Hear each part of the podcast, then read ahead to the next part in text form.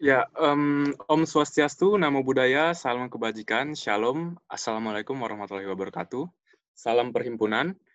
Kembali lagi di PPI Berlin Webinar Series. Kali ini kita udah episode yang kelima ya, nggak kerasa.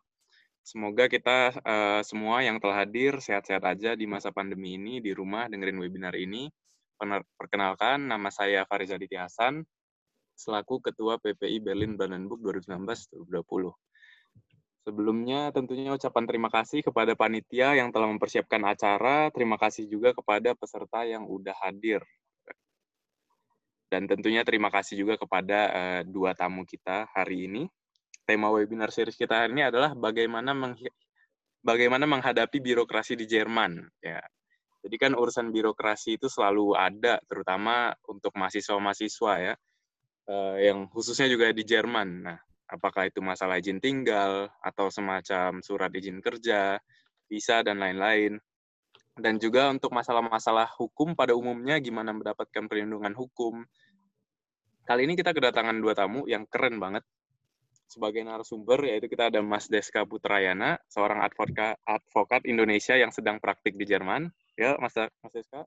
Ya, halo. Terus sebagai moderator juga nggak kalah kerennya, kita ada Mas Gary Michael Purga, Purba, lulusan master di FU Berlin, jurusan European International Economic Competition and Regulatory Law.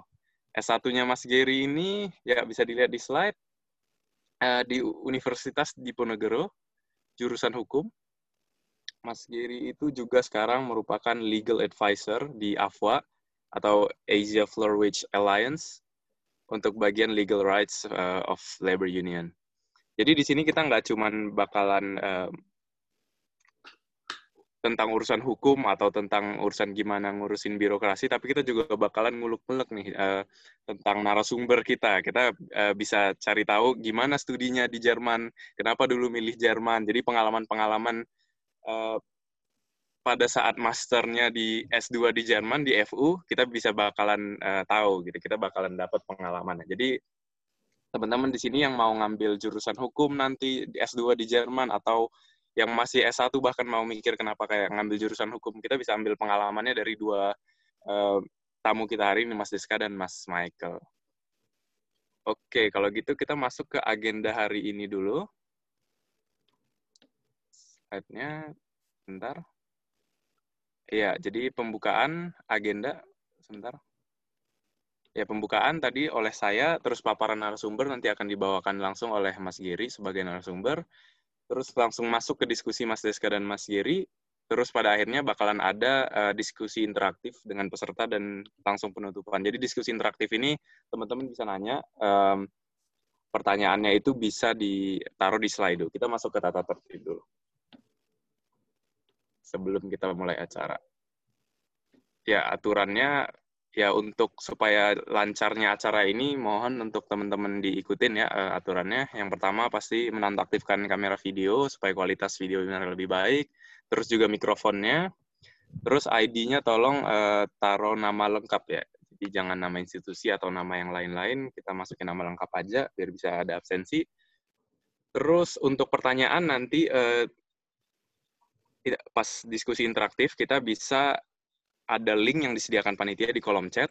Di situ teman-teman pada saat webinarnya berlangsung, pada saat diskusi berlangsung bisa langsung taruh aja pertanyaannya. Nanti pas uh, sesi pertanyaan jawab bakalan ditanyakan langsung pertanyaan yang udah teman-teman taruh. Dan tentunya menghormati satu sama lain. Terima kasih, uh, itu saja dari saya. Langsung saja saya serahkan kepada Mas Giri waktu dan tempat dipersilahkan. Ayo, silakan. Oke. Okay. So, terima kasih Ketua PPI ini ada ini ada ada, ada loop. Eh, Sebentar ya. Ya. Ya. Jadi um, jadi um, ini yang sepertinya oke, okay, udah. Masih ada yang mic-nya on tadi. Alright, jadi terima kasih perkenalannya Ketua PPI. So uh, hari ini kita ada semacam webinar untuk acara ini dan kebetulan uh, Mas Deska ini adalah teman saya satu kelas di FU Berlin dan kita akan bertanya banyak hal dengan Mas Deska ini baik dari bagaimana dia uh, studinya, bagaimana dia bisa mengachieve atau diterima di FU dan bagaimana dia bisa bekerja di uh, di Berlin sekarang. Jadi jadi nanti kita akan uh, berdiskusi tentang banyak hal dan ya dan Mas Deska ini dia ini uh, sekarang advokat di mana nih slide-nya? Dia dia advokat di ini bisa dilihat di situ. Ya. Dia advokat di law firm Jakarta dan dia sekarang membuka uh, kantor hukum juga di Berlin sebagai um, bagian legal Indonesia-nya dan juga internasional. Dia juga seorang pengajar juga di Berlin dan seorang advokat dan anggota Pradi di Indonesia. Yaitu Pradi itu adalah Perhimpunan Advokat Indonesia. And ya, ya begitu saja mungkin perkenalan saya preliminarinya. Mungkin bagaimana dengan Mas Diska? Apa apa ada yang perlu ditambahkan atau gimana? Sudah cukup. Terima kasih cukup, ya? Mas Giri ya. Oke. Okay. So uh, kita mulai aja pertanyaannya ya. Terus ya, boleh. Mungkin pertanyaan yang paling simple di awal itu pertama itu mengapa uh, kuliah master Jerman dan bagaimana sih prosesnya dari awal sampai akhir itu bisa bisa diterima di FU Berlin? Siap. Uh, sebelumnya saya ucapkan dulu terima kasih kepada kawan-kawan PPI Berlin untuk mengundang Berlin Brandenburg dan juga kepada Mas Giri telah mengundang saya sebagai narasumber di sini. Uh, perkenalkan juga saya nama saya Deska Putrayana, saya advokat di Indonesia dan di Berlin. Saya terdaftar di uh, Berlin Rechtsanwalt Kammer di Berlin dan saat ini saya membuka kantor hukum di Berlin juga saya menjadi seorang pengajar di salah satu uh, kampus di Berlin. Oke, itu mungkin sedikit dari saya tambahannya. Uh, lalu sekarang ini pertanyaan yang menarik buat saya. Kenapa pilih kuliah hukum S2 terutama ya di Jerman. Oke, uh, ini juga mungkin nanti kita bisa lihat ada perbedaan perspektif dari saya dan Mas Giri yang Mas Giri juga satu kelas sama saya dulu pada saat ya. master. Uh, ada perbedaan dan ada persamaan pastinya. Oke, kalau saya kenapa kuliah di Jerman? Saya itu dulu punya cita-cita kuliah di Jerman sebenarnya. Tapi karena dulu saya ingin kuliah itu kuliah teknik, ya, kuliah teknik di Jerman. Tapi karena satu dan hal lainnya, saya akhirnya terjebak untuk kuliah hukum pada saat S1 saya, dan saya mendapat kesempatan ke Jerman, namun berbeda, yaitu saya ngambil kuliah hukum. Ya. Dan banyak sekali orang bertanya kepada saya, kenapa nggak di Belanda? Kita kan hukum Indonesia ini hukum Belanda juga. Iya betul, kita mengadopsi hukum Belanda, betul. Tapi di sini hukum yang kita pakai, sistem hukumnya itu sistem hukum Eropa kontinental. Mungkin nanti juga Mas Gary bisa bantu sedikit apa itu hukum Eropa kontinental. Ya. Dan Jerman ini salah satu eh, pemakai, pengguna dari sistem hukum tersebut.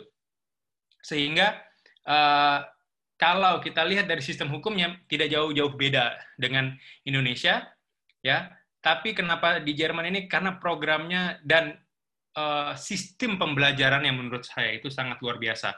Di situ saya uh, pada saat pertama memasuki kelas di di FU sendiri, saya melihat wah ternyata cara interaksi belajar mengajar itu sangat berbeda dan itulah yang yang ingin saya uh, dapatkan pengalaman tersebut untuk mendapatkan sebuah pengalaman oh saya di saya belajar dengan menggunakan sistem yang seperti ini, yang di mana di Indonesia mungkin ada beberapa kampus yang sudah menerapkan sistem tersebut, namun eh, dari segi kurikulum juga sangat-sangat berguna untuk saya, apalagi kalau misalkan kita berkat eh, di, di, di jurusan saya itu adalah jurusan hukum internasional, hukum bisnis internasional, yang dan itu menurut saya sangat baik sekali, terutama di bidang kompetisi, hukum kompetisi, hukum persaingan usaha, begitu. Bagaimana dengan Bung Geri? Mas Giri ini juga yeah, satu yeah. kelas dengan saya dulu, jadinya mungkin ada perspektif lain. Kenapa kuliah di Jerman? Ya, satu memang hal satu hal memang benar apa yang dibilang oleh Bung Deska bahwa uh, Jerman itu juga menganut Eropa kontinental dan Eropa kontinental itu bahasa awamnya itu jadi begini di di dunia ini ada mazhab antara Anglo-Saxon dan Eropa kontinental. Anglo-Saxon itu adalah hukum yang mana biasanya itu diadopsi oleh negara-negara Inggris dan jajahannya, seperti Amerika Serikat, Australia, Singapura, dan lain-lain. Dan Eropa kontinental itu seperti Belanda, Jerman, dan segala macamnya itu, uh, dan juga diadopsi oleh jajahannya. Dan kebetulan, bukan kebetulan, dan sayangnya, Indonesia itu dijajah oleh Belanda, dan ya kita juga menganut sistem Eropa kontinental dan kita menyerap hal itu, sehingga tidak ada yang terlalu berbeda sebenarnya. Dan tapi my main motivation, motivasi pertama saya itu karena di uh, Jerman ini hukum kompetisinya sangat muhtahir ya. Jadi uh, seperti yang uh, saya fokusnya kepada persaingan usaha dan di dalam persaingan usaha itu di Indonesia itu hukumnya sangat kuno kalau bisa saya bisa bilang karena sudah lama banget itu sejak 1999 dan masih banyak yang perlu dimodifikasi dan uh, banyak hal yang perlu tidak diatur di dalam uh, undang-undang persaingan usaha kita. Dan saya berpikir kalau mis, uh, di, dan di Jerman itu undang-undang persaingan usahanya itu adalah role model dari persaingan usaha yang ada di Indonesia gitu. Jadi biasanya kalau apa yang terjadi di Jerman itu biasanya ditiru di Indonesia. Sehingga saya berpikir kalau misalnya saya belajar di Jerman itu lebih one step ahead dari yang penelitian yang ada di Indonesia. Sehingga saya lebih tahu uh, lebih tahu di luar daripada uh, yang sebelum yang dari penelitian-penelitian yang ada di Indonesia. Walaupun sebenarnya ada juga penelitian-penelitian itu, tapi um, ya maksud saya saya mau belajar dari sumbernya langsung. Kira-kira demikian. Dan uh, ya pertanyaan menarik dan terus perbedaannya gitu apa gitu yang antara di Jerman dan dengan Indonesia? Maksudnya apa hal yang paling yang sangat berbeda gitu dan apa yang membuat ya. kontras? Ya, yang saya dapati ya, uh, mungkin karena memang juga sistem dari pembelajaran di, di Jerman, terutama di Uni Eropa, ter, terutama Jerman itu kan kalau misalnya kita belajar hukum, kita juga belajar dulu uh, tentang hukum Uni Eropa, di mana bagaimana sistem Uni Eropa itu membuat sebuah uh, kawasan supranatural ya supra supranasional sorry. Supra yeah. supranasional.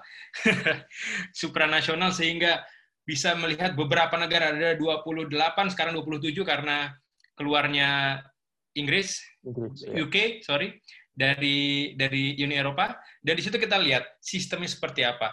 Ada negara-negara yang uh, di, diaksesi oleh oleh Uni Eropa yang artinya menyerahkan uh, sovereignnya, menyerahkan kedaulatannya kepada Uni Eropa. Di situ menarik karena kita melihat berarti adanya the commission.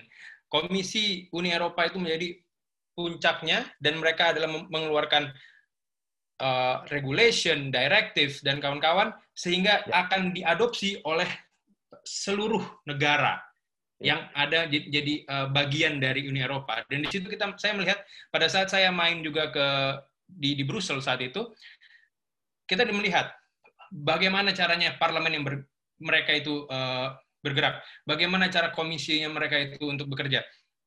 Dan di situ mereka menggunakan kasus-kasus yang dari dari zamannya masih uh, European Community sampai dengan menjadi European Union sekarang dan ya. mereka itu menggunakan sistem yang sangat sangat terstruktur sehingga pada saat saya mendapatkan pembelajaran-pembelajaran tentang hukum Eropa dan hukum internasional dari sudut pandang Uni Eropa itu sangat menarik menurut saya.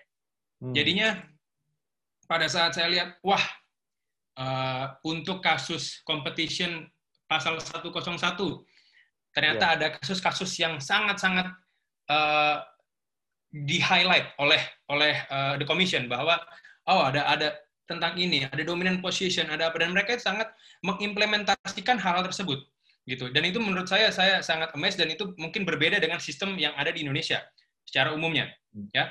Walaupun tadi saya bilang bahwa hukum di Jerman uh, kurang lebih sistem hukumnya sama tapi lebih jauh daripada itu di luar daripada hukum nasional Jermannya uh, hukum Jerman sendiri ada hukum yang di atasnya itu adalah hukum uh, inter, hukum Uni Eropanya sendiri dan di mana hukum Uni Eropanya itu juga meratifikasi beberapa hukum yang sudah ditetapkan di iya. eh, international law. Internasional, ya. Ya betul. Ya kan? Ada dari misalkan dari ini ada unsitral kita masukkan untuk dari eh, ininya eh, IP-nya misalkan contohnya salah satu yang eh, cukup karena itu salah satu kemarin topik dari te- tesis saya pada saat itu adalah tentang collective management eh, organization artinya adalah kalau misalnya kita memainkan musik di publik kita harus membayar. Karena itu domain publik dan kita tidak berhak untuk eh, memutar lagu tanpa izin dari eh, tadi CMO tadi organisasi tersebut. Itu dan itu banyak sekali yang sebenarnya saya ber- saya berpikir itu bisa diterapkan di Indonesia.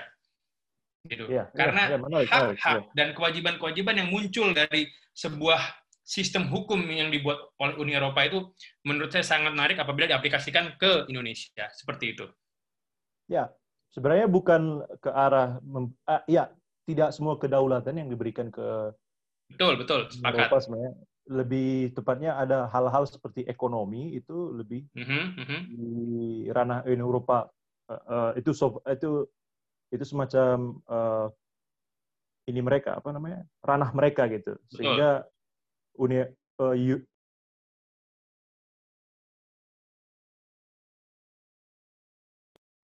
banyak hal salah satunya seperti ekonomi dan sebagainya. Jadi itu mungkin perbedaan yang mendasar ya karena Betul. karena di di uh, Uni Eropa itu sendiri sangat banyak negaranya dan ya lebih lebih convoluted lebih lebih lebih rumit dari ya dari di Indonesia ya.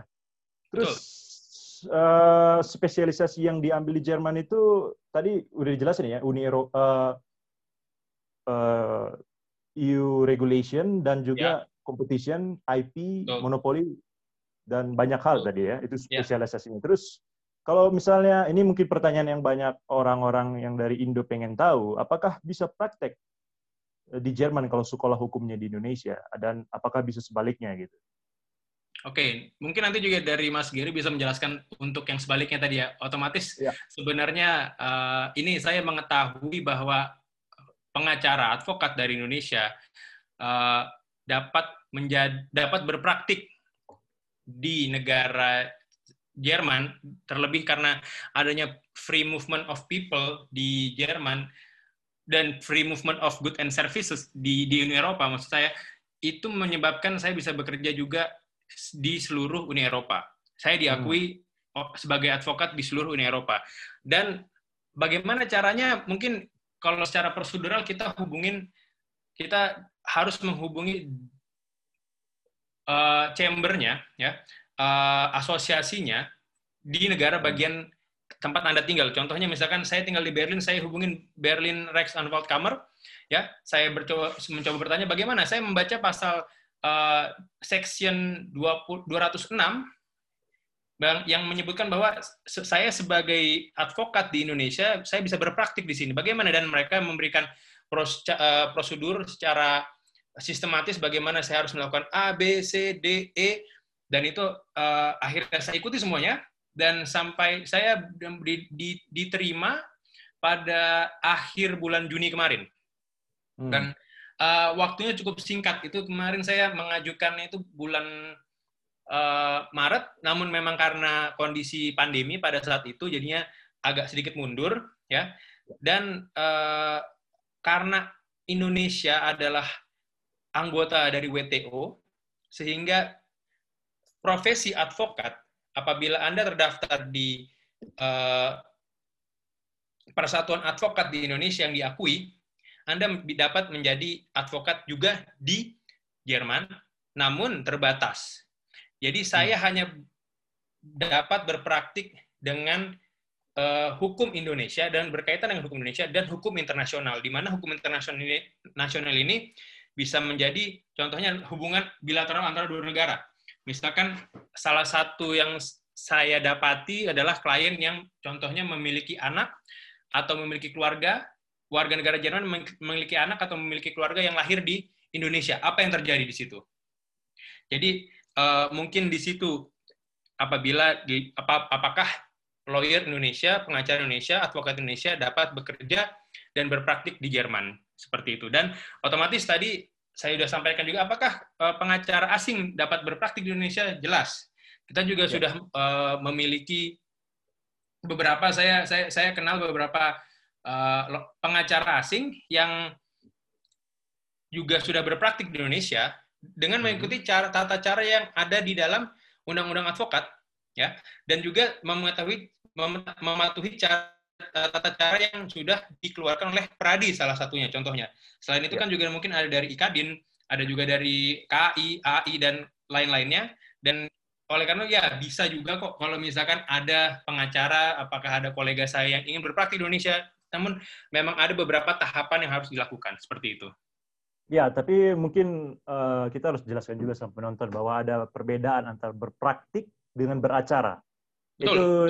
ya, sehingga berpraktik bisa, setahu saya, tapi ya. beracara itu tidak bisa karena setahu betul. saya itu kalau beracara itu harus S1-nya dari negara yang bersangkutan misalnya Beracara itu artinya begini, mengikuti sidang, me, ya mengikuti proses sidang dan segala macamnya itu tidak boleh asing setahu saya. Betul. Tapi kalau menjadi paralegal boleh aja. Paralegal itu semacam ya pembantu dari advokatnya yang ikut-ngikutin dia itu saya rasa bisa aja.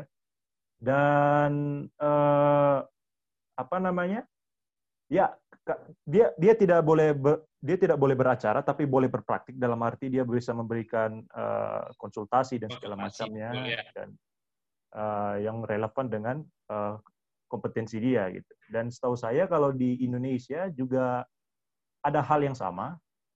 Kalau di Indonesia itu salah satu aturannya ya dia dia itu tidak dia itu harus pertama kalau nggak salah dari Peradi kemarin mereka harus mengadakan seminar itu salah satu syaratnya seminar atau kelas Terus dari seminar tersebut baru mereka bisa mendapatkan izin praktek di Indonesia. Dan ya sehingga bisa aja bisa aja berpraktek di baik dari asing ke Indonesia maupun dari Indonesia ke sana, tetapi hanya sebatas sebagai konsultan konsultan aja. Betul. Uh, begitu. Uh, se, apa apa apa Biasanya ya, benar. off council biasanya. Mereka di, ya, off council. ada beberapa firma-firma hukum di Indonesia juga yang sudah bekerja sama berafiliasi dengan hukum uh, firma hukum dari negara-negara lain dari Singapura kah atau dari Inggris atau dari Amerika biasanya mereka menggunakan uh, off council. Artinya mereka di situ hmm. ber, bukan berpraktik secara penuh namun memberikan advice ya. secara garis besar gitu. Ya. Tapi ya, Terus, itu banyak uh, kejadiannya di Indonesia juga. Dan di sini pun seperti itu. Terus, uh, Bung Deska juga buka kantor hukum ya di Jerman ya? Betul, ya, betul. Saya bekerja sama dengan salah satu pengacara Jerman lokal di Berlin, uh, Martin Bernhard, dan beliau ini salah satu hu uh, ahli hukum imigrasi ya di hmm. di Jerman, dan beliau uh, juga sering menangani kasus-kasus dari Asia Tenggara dan Asia Timur, terutama Korea dan Jepang. Hmm. Uh, beliau juga makanya beliau saya dan beliau adalah uh, melakukan bekerja sama ya, di mana pada saat itu saya mencoba untuk aplik uh, untuk mencoba untuk bekerja sama begitu dengan ya. beliau dan beliau menawarkan bahwa uh, bagaimana kalau misalkan kita bekerja sama terkait dengan uh, karena saya memiliki banyak uh, klien dari Indonesia juga jadi kita bisa untuk melakukan kerjasama di mana kita bisa uh, sharing pengetahuan. Contohnya adalah apabila ada peng, uh, klien beliau yang uh, butuh uh, butuh advokasi atau butuh konsultasi dari uh, sisi hukum Indonesia, maka saya yang akan memberikan advokasi tersebut, saya memberikan konsultasi tersebut. Dan sebaliknya, apabila saya membutuhkan ada klien saya yang membutuhkan uh, dari sisi hukum Jermannya seperti hukum imigrasi, dari visa ataupun memang eh, ada klien saya yang terjebak di Indonesia tidak bisa balik ke Jerman karena beberapa hal. Apa yang dilakukan? Saya akan memberikan hal tersebut kepada uh, partner saya tersebut. Jadinya memang kita ada sejenis dan ke depannya kita akan melihat dari sisi investasi antara ya. investasi perusahaan Indonesia yang ingin ke Jerman. Apabila temannya Mas Geri nanti ada yang mau buka toko kopi di Jerman, itu oh, bisa. boleh, boleh. saya, punya Atau rencana itu ya. Dari dari dari Jerman mau buka industri ya, dari Jerman ke Indonesia itu bisa. Jadi itu yang itu sebenarnya hal-hal yang saya tangani sekarang begitu. Iya. Ntar saya bikin kopi CD kalang di Jerman, mungkin mereka Nah, mau. itu bisa. Iya, iya, iya. So, uh, kalau di Indonesia setahu saya, tidak uh, asing itu tidak boleh dia membuka kantor hukum.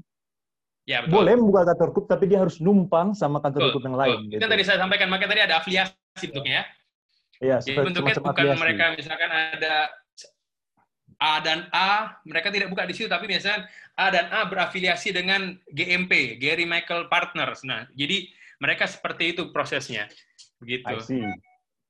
Menarik, menarik. Dan bagaimana dengan kode etiknya juga? Apakah uh, client privilege juga tetap dijaga? Misalnya, Anda kan ini advokat Indonesia dan berpraktik di Berlin. Terus bagaimana kalau misalnya ada uh, uh, katakanlah klien Anda datang kepada Anda ingin uh, meng- mengutarakan kasus dia dan Betul. tentu kita sebagai advokat kita punya kode etik di mana kita harus merahasiakan segala uh, uh, rahasia klien kita walaupun kita ditangkap polisi maupun diapakan segala macamnya. Dan apakah klien privilege dan kode etik itu juga berlaku ke Anda ketika Anda di di Jerman? Betul, jelas.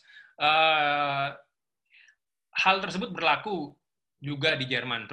Sangat-sangat-sangat eh, jelas itu ya. Eh, terlebih lagi karena di sini, walaupun saya advokat Indonesia, namun saya menjadi anggota di chamber mereka, di eh, asosiasi pengacara di, di Jerman sendiri, sehingga saya mengikuti hukum eh, hukum eh, hukum ten- tentang pengacara di Jerman. Jadi banyak Hmm. beberapa eh, hal-hal yang saya baru ketahui. Contohnya ternyata kalau hukum eh, kalau kalau kita eh, jet pengacara Jerman itu tidak boleh memberikan memberikan eh, praktik pro bono, praktik Oh, yang ya praktik pro bono tidak boleh gitu kan.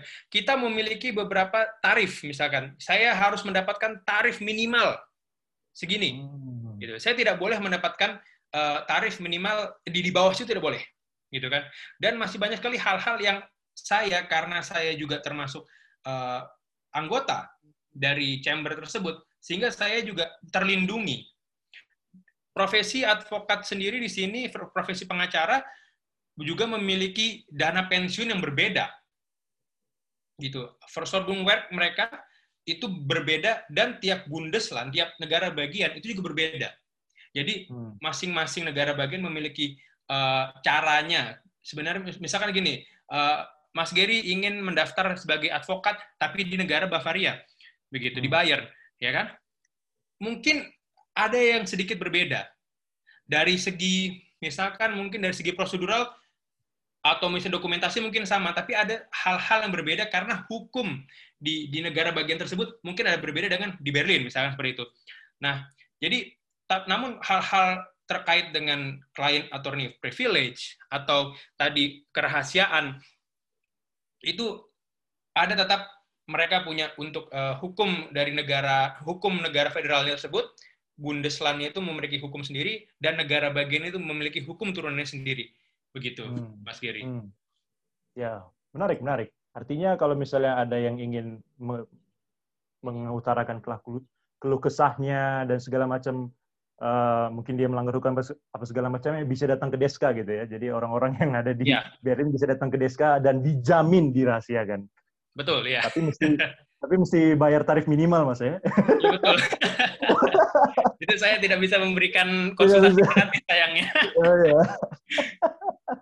Berbeda kalau di Amerika itu mereka kalau nggak salah wajib pro bono. Betul, betul ya. Ya, Iya. ada kuotanya mereka per tahun harus Iya, berapa kali melakukan pro bono, ya. praktik pro bono begitu.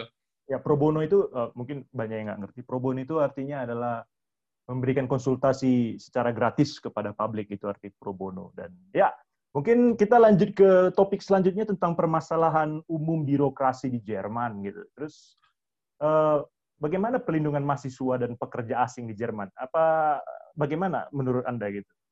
Ah, ini yang ini eh, mungkin eh, banyak sekali mahasiswa atau mungkin eh, adik-adik yang baru ingin berangkat kuliah ataupun bekerja atau kawan-kawan mas-mas atau eh, kawan-kawan lainnya yang ingin baru mau bekerja di Jerman contohnya untuk mendapatkan katanya diskriminasi. Oke, dari segi hukum tidak ada yang namanya diskriminasi secara khusus.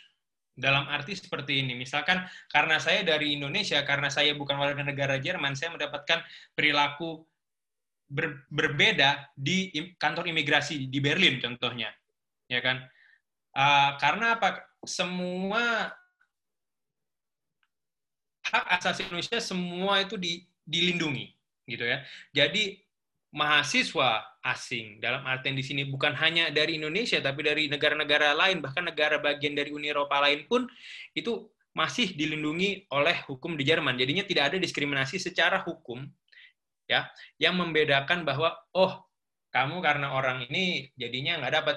Saya kemarin uh, untuk mengurus sebuah uang untuk anak ya itu tidak dipersulit, tidak diper uh, susah untuk hal-hal yang terkait dengan dokumentasi. Saya pernah uh, hilang barang uh, dokumen. Saya tidak karena walaupun saya bukan orang Jerman, saya tidak dipersulit untuk hal itu. Begitu. Hmm. Karena dari segi hukum semua dilindungi, mau pekerja, mau tadi uh, mahasiswa, itu semuanya dilindungin. Jadi uh, tidak ada diskriminasi secara hukum itu tidak ada gitu. Jadi uh, hukum di Jerman sendiri itu sudah melindungi hak-hak dari mahasiswa, hak-hak dari uh, pekerja asing lebih tepatnya. Jadi memang tidak ada diskriminasi secara khusus. Namun saya memang dengar beberapa cerita kawan-kawan yang sharing juga atau mungkin ada pengalaman pribadi juga yang saya dapat mendapatkan uh, diskriminasi secara itu menurut saya sangat subjektif dan sangat uh, case by case ya. Tidak hmm. tidak setiap hari didapatkan atau tidak ini mungkin misalkan pada satu hari saya datang ke kantor imigrasi ternyata petugas imigrasinya mungkin hari itu lagi mumet lagi bete akhirnya saya kena damprat atau apa itu bisa terjadi juga gitu kan. Tapi kan yeah, bukan yeah. karena saya orang asing, bukan saya orang Indonesia ya kan tapi terkait dengan itu, misalkan contohnya karena kemarin ada uh, ta mm, tahun lalu, dua tahun lalu, itu ada masalah di Indonesia terkait dengan terorisme. Akhirnya pada saat saya mengajukan perpanjangan visa, saya ditanya dulu beberapa hal. Gitu. Ada Sicherheit Fragenbogen. Jadi ada ada uh, pertanyaan khusus yang harus saya jawab, ya, secara interview dan uh, apakah anda pernah dipidana, apakah anda pernah uh, ke negara-negara yang tapi itu sangat-sangat sangat normal dan itu bukan sebuah diskriminasi menurut hmm. saya karena itu sebagian dari keamanan saja Oke, begitu Mas Giri. Menarik, menarik. Karena banyak juga uh, desus-desus yang sedang beredar atau bagaimana maksudnya bagaimana pandangannya mungkin apakah ada diskriminasi di Jerman atau gimana-gimana tapi mungkin sudah dijawab bahwa tidak ada karena memang uh, jelas juga karena di Uni Eropa itu mereka meratifikasi tentang uh, ada di dalam fundamental charter mereka bahwa diskriminasi ras agama itu tidak boleh ada. Itu dianut dianutnya dari uh, dari UN kalau nggak salah. Mereka mengadopsi itu semua secara langsung. Jadi uh, tidak tidak mungkin akan ada seperti itu. Tapi saya juga pernah melihat di kalau misalnya terjadi diskriminasi mungkin karena agama atau ras atau segala macamnya, saya pernah melihat ada semacam LSM gitu. Saya pernah lihat waktu waktu saya naik bus uh, di Berlin, dia ada semacam stiker atau uh, poster yang menyatakan bahasa Indonesia-nya begini, apakah Anda pernah didiskriminasi karena ini?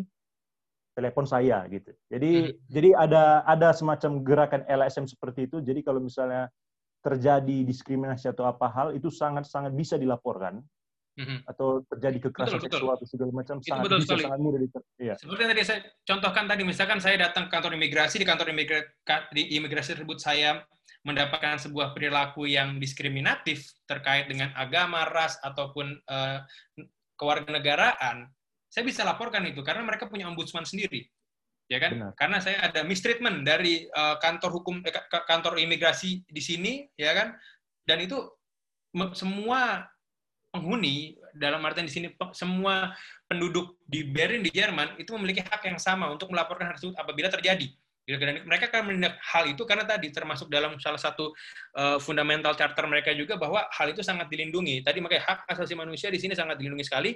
Oleh karena itu salah satunya adalah perbedaan ras, agama, kewarganegaraan itu menjadi salah satu yang karena mereka itu mereka adalah biasanya menyebutnya we are EU, ya kan?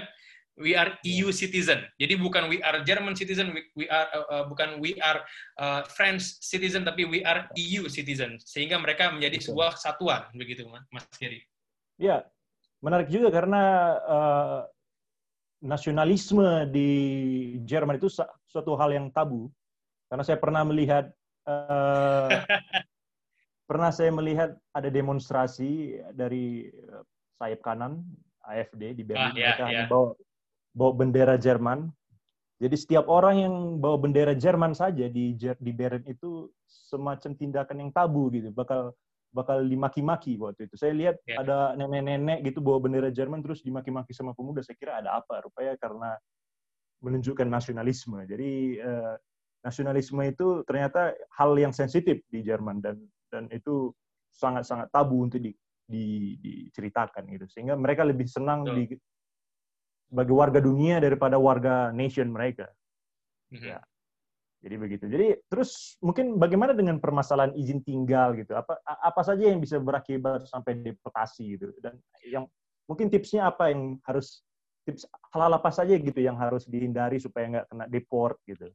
Uh, karena gini, uh, kita, karena memang supremasi hukum di Jerman itu kan sangat tinggi dalam artian seperti ini kita ada permasalahan terkait misalkan visa ya.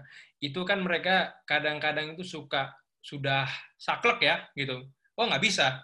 Anda sudah misalkan uh, Mas Gary masuk uh, sekolah di Jerman datang ke imigrasi kantor imigrasi Berlin. Namun di sana Mas Gary ditolak karena uh, Mas ini Anda sudah melewati masa studi Anda Anda sudah berapa tahun di sekian tahun di sini tidak selesai-selesai.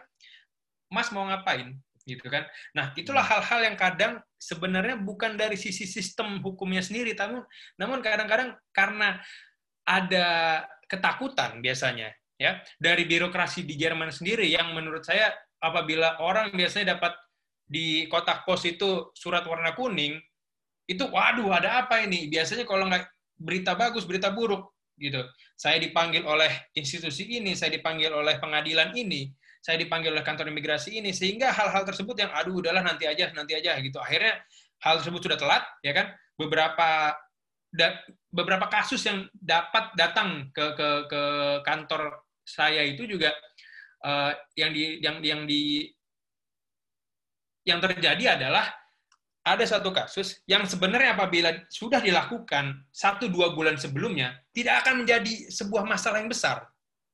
Ya hmm. tapi karena aduh birokrasi di Jerman tuh ribet. Kenapa? Karena kadang-kadang tuh kita untuk mendapatkan sebuah surat itu lamanya luar biasa. Kita mungkin datang untuk pertama kali datang ke, ke Jerman apa yang dilakukan? Kita harus uh, harus registrasi bahwa oh, Anda tinggal di situ, betul ya. Dan uh, di situ kita datang ke kantor kantor, kantor lurah setempat bahasa Indonesianya ya. Yeah. Dan kita ngantri itu luar biasa kalau misalkan kita malas-malas kita ini nggak akan dapat tidak. Tapi kalau kita tidak dapat surat itu, kita tidak bisa melakukan pembukaan rekening bank. Kita tidak bisa melakukan hmm. uh, uh, kerangkan kas uh, insurance, ya, asuransi, asuransi dan iya, iya. hal-hal yeah, yeah. yang seperti itu yang harus kita penuhi, ya, secara birokrasi. Yang kita tidak boleh takut, kita tidak boleh menyepelekan hal-hal tersebut sehingga nanti apabila kita dipanggil oleh untuk kita mau perpanjang visa, kita mau ganti visa. Ya. Nanti kita akan oh iya nih, saya dapat uh, undangan dari uh, saya dapat undangan dari kantor imigrasi di Jerman. Ya. Lalu apa yang harus saya lakukan? Apa yang harus saya siapkan? Itu kita siapkan. Biasanya saya menyiapkan dua tiga rangkap lebih. Ya saya menyiapkan dua tiga rangkap lebih apabila nanti diminta saya kasih. Ini originalnya, ini uh, kopinya, ya kan? Hmm. Dan itu hal-hal harus kita siapkan secara birokratis. Tadi saya bilang makanya semua itu bisa diselesaikan secara secara birokrasi semua dapat diselesaikan dengan saya bilang mudah juga tidak karena itu balik lagi perkara-perkara saya yang kawan saya bilang wah mudah. Yang ini saya bilang aduh kemarin saya susah dapat visanya karena gini-gini. Tapi itu lagi case by case ya. Dan mungkin di di di daerah-daerah lain mungkin lebih susah atau daerah-daerah lain lebih mudah. Tapi secara secara perkara-perkara yang keluar adalah karena takut ya. Karena itu yang paling paling gampang. Karena takut ya. Takut apa aduh saya mungkin saya baru datang ke Jerman bahasa Jerman saya masih masih jelek atau apa segala macam. Atau karena aduh males deh nih harus ketemu sama orang ini.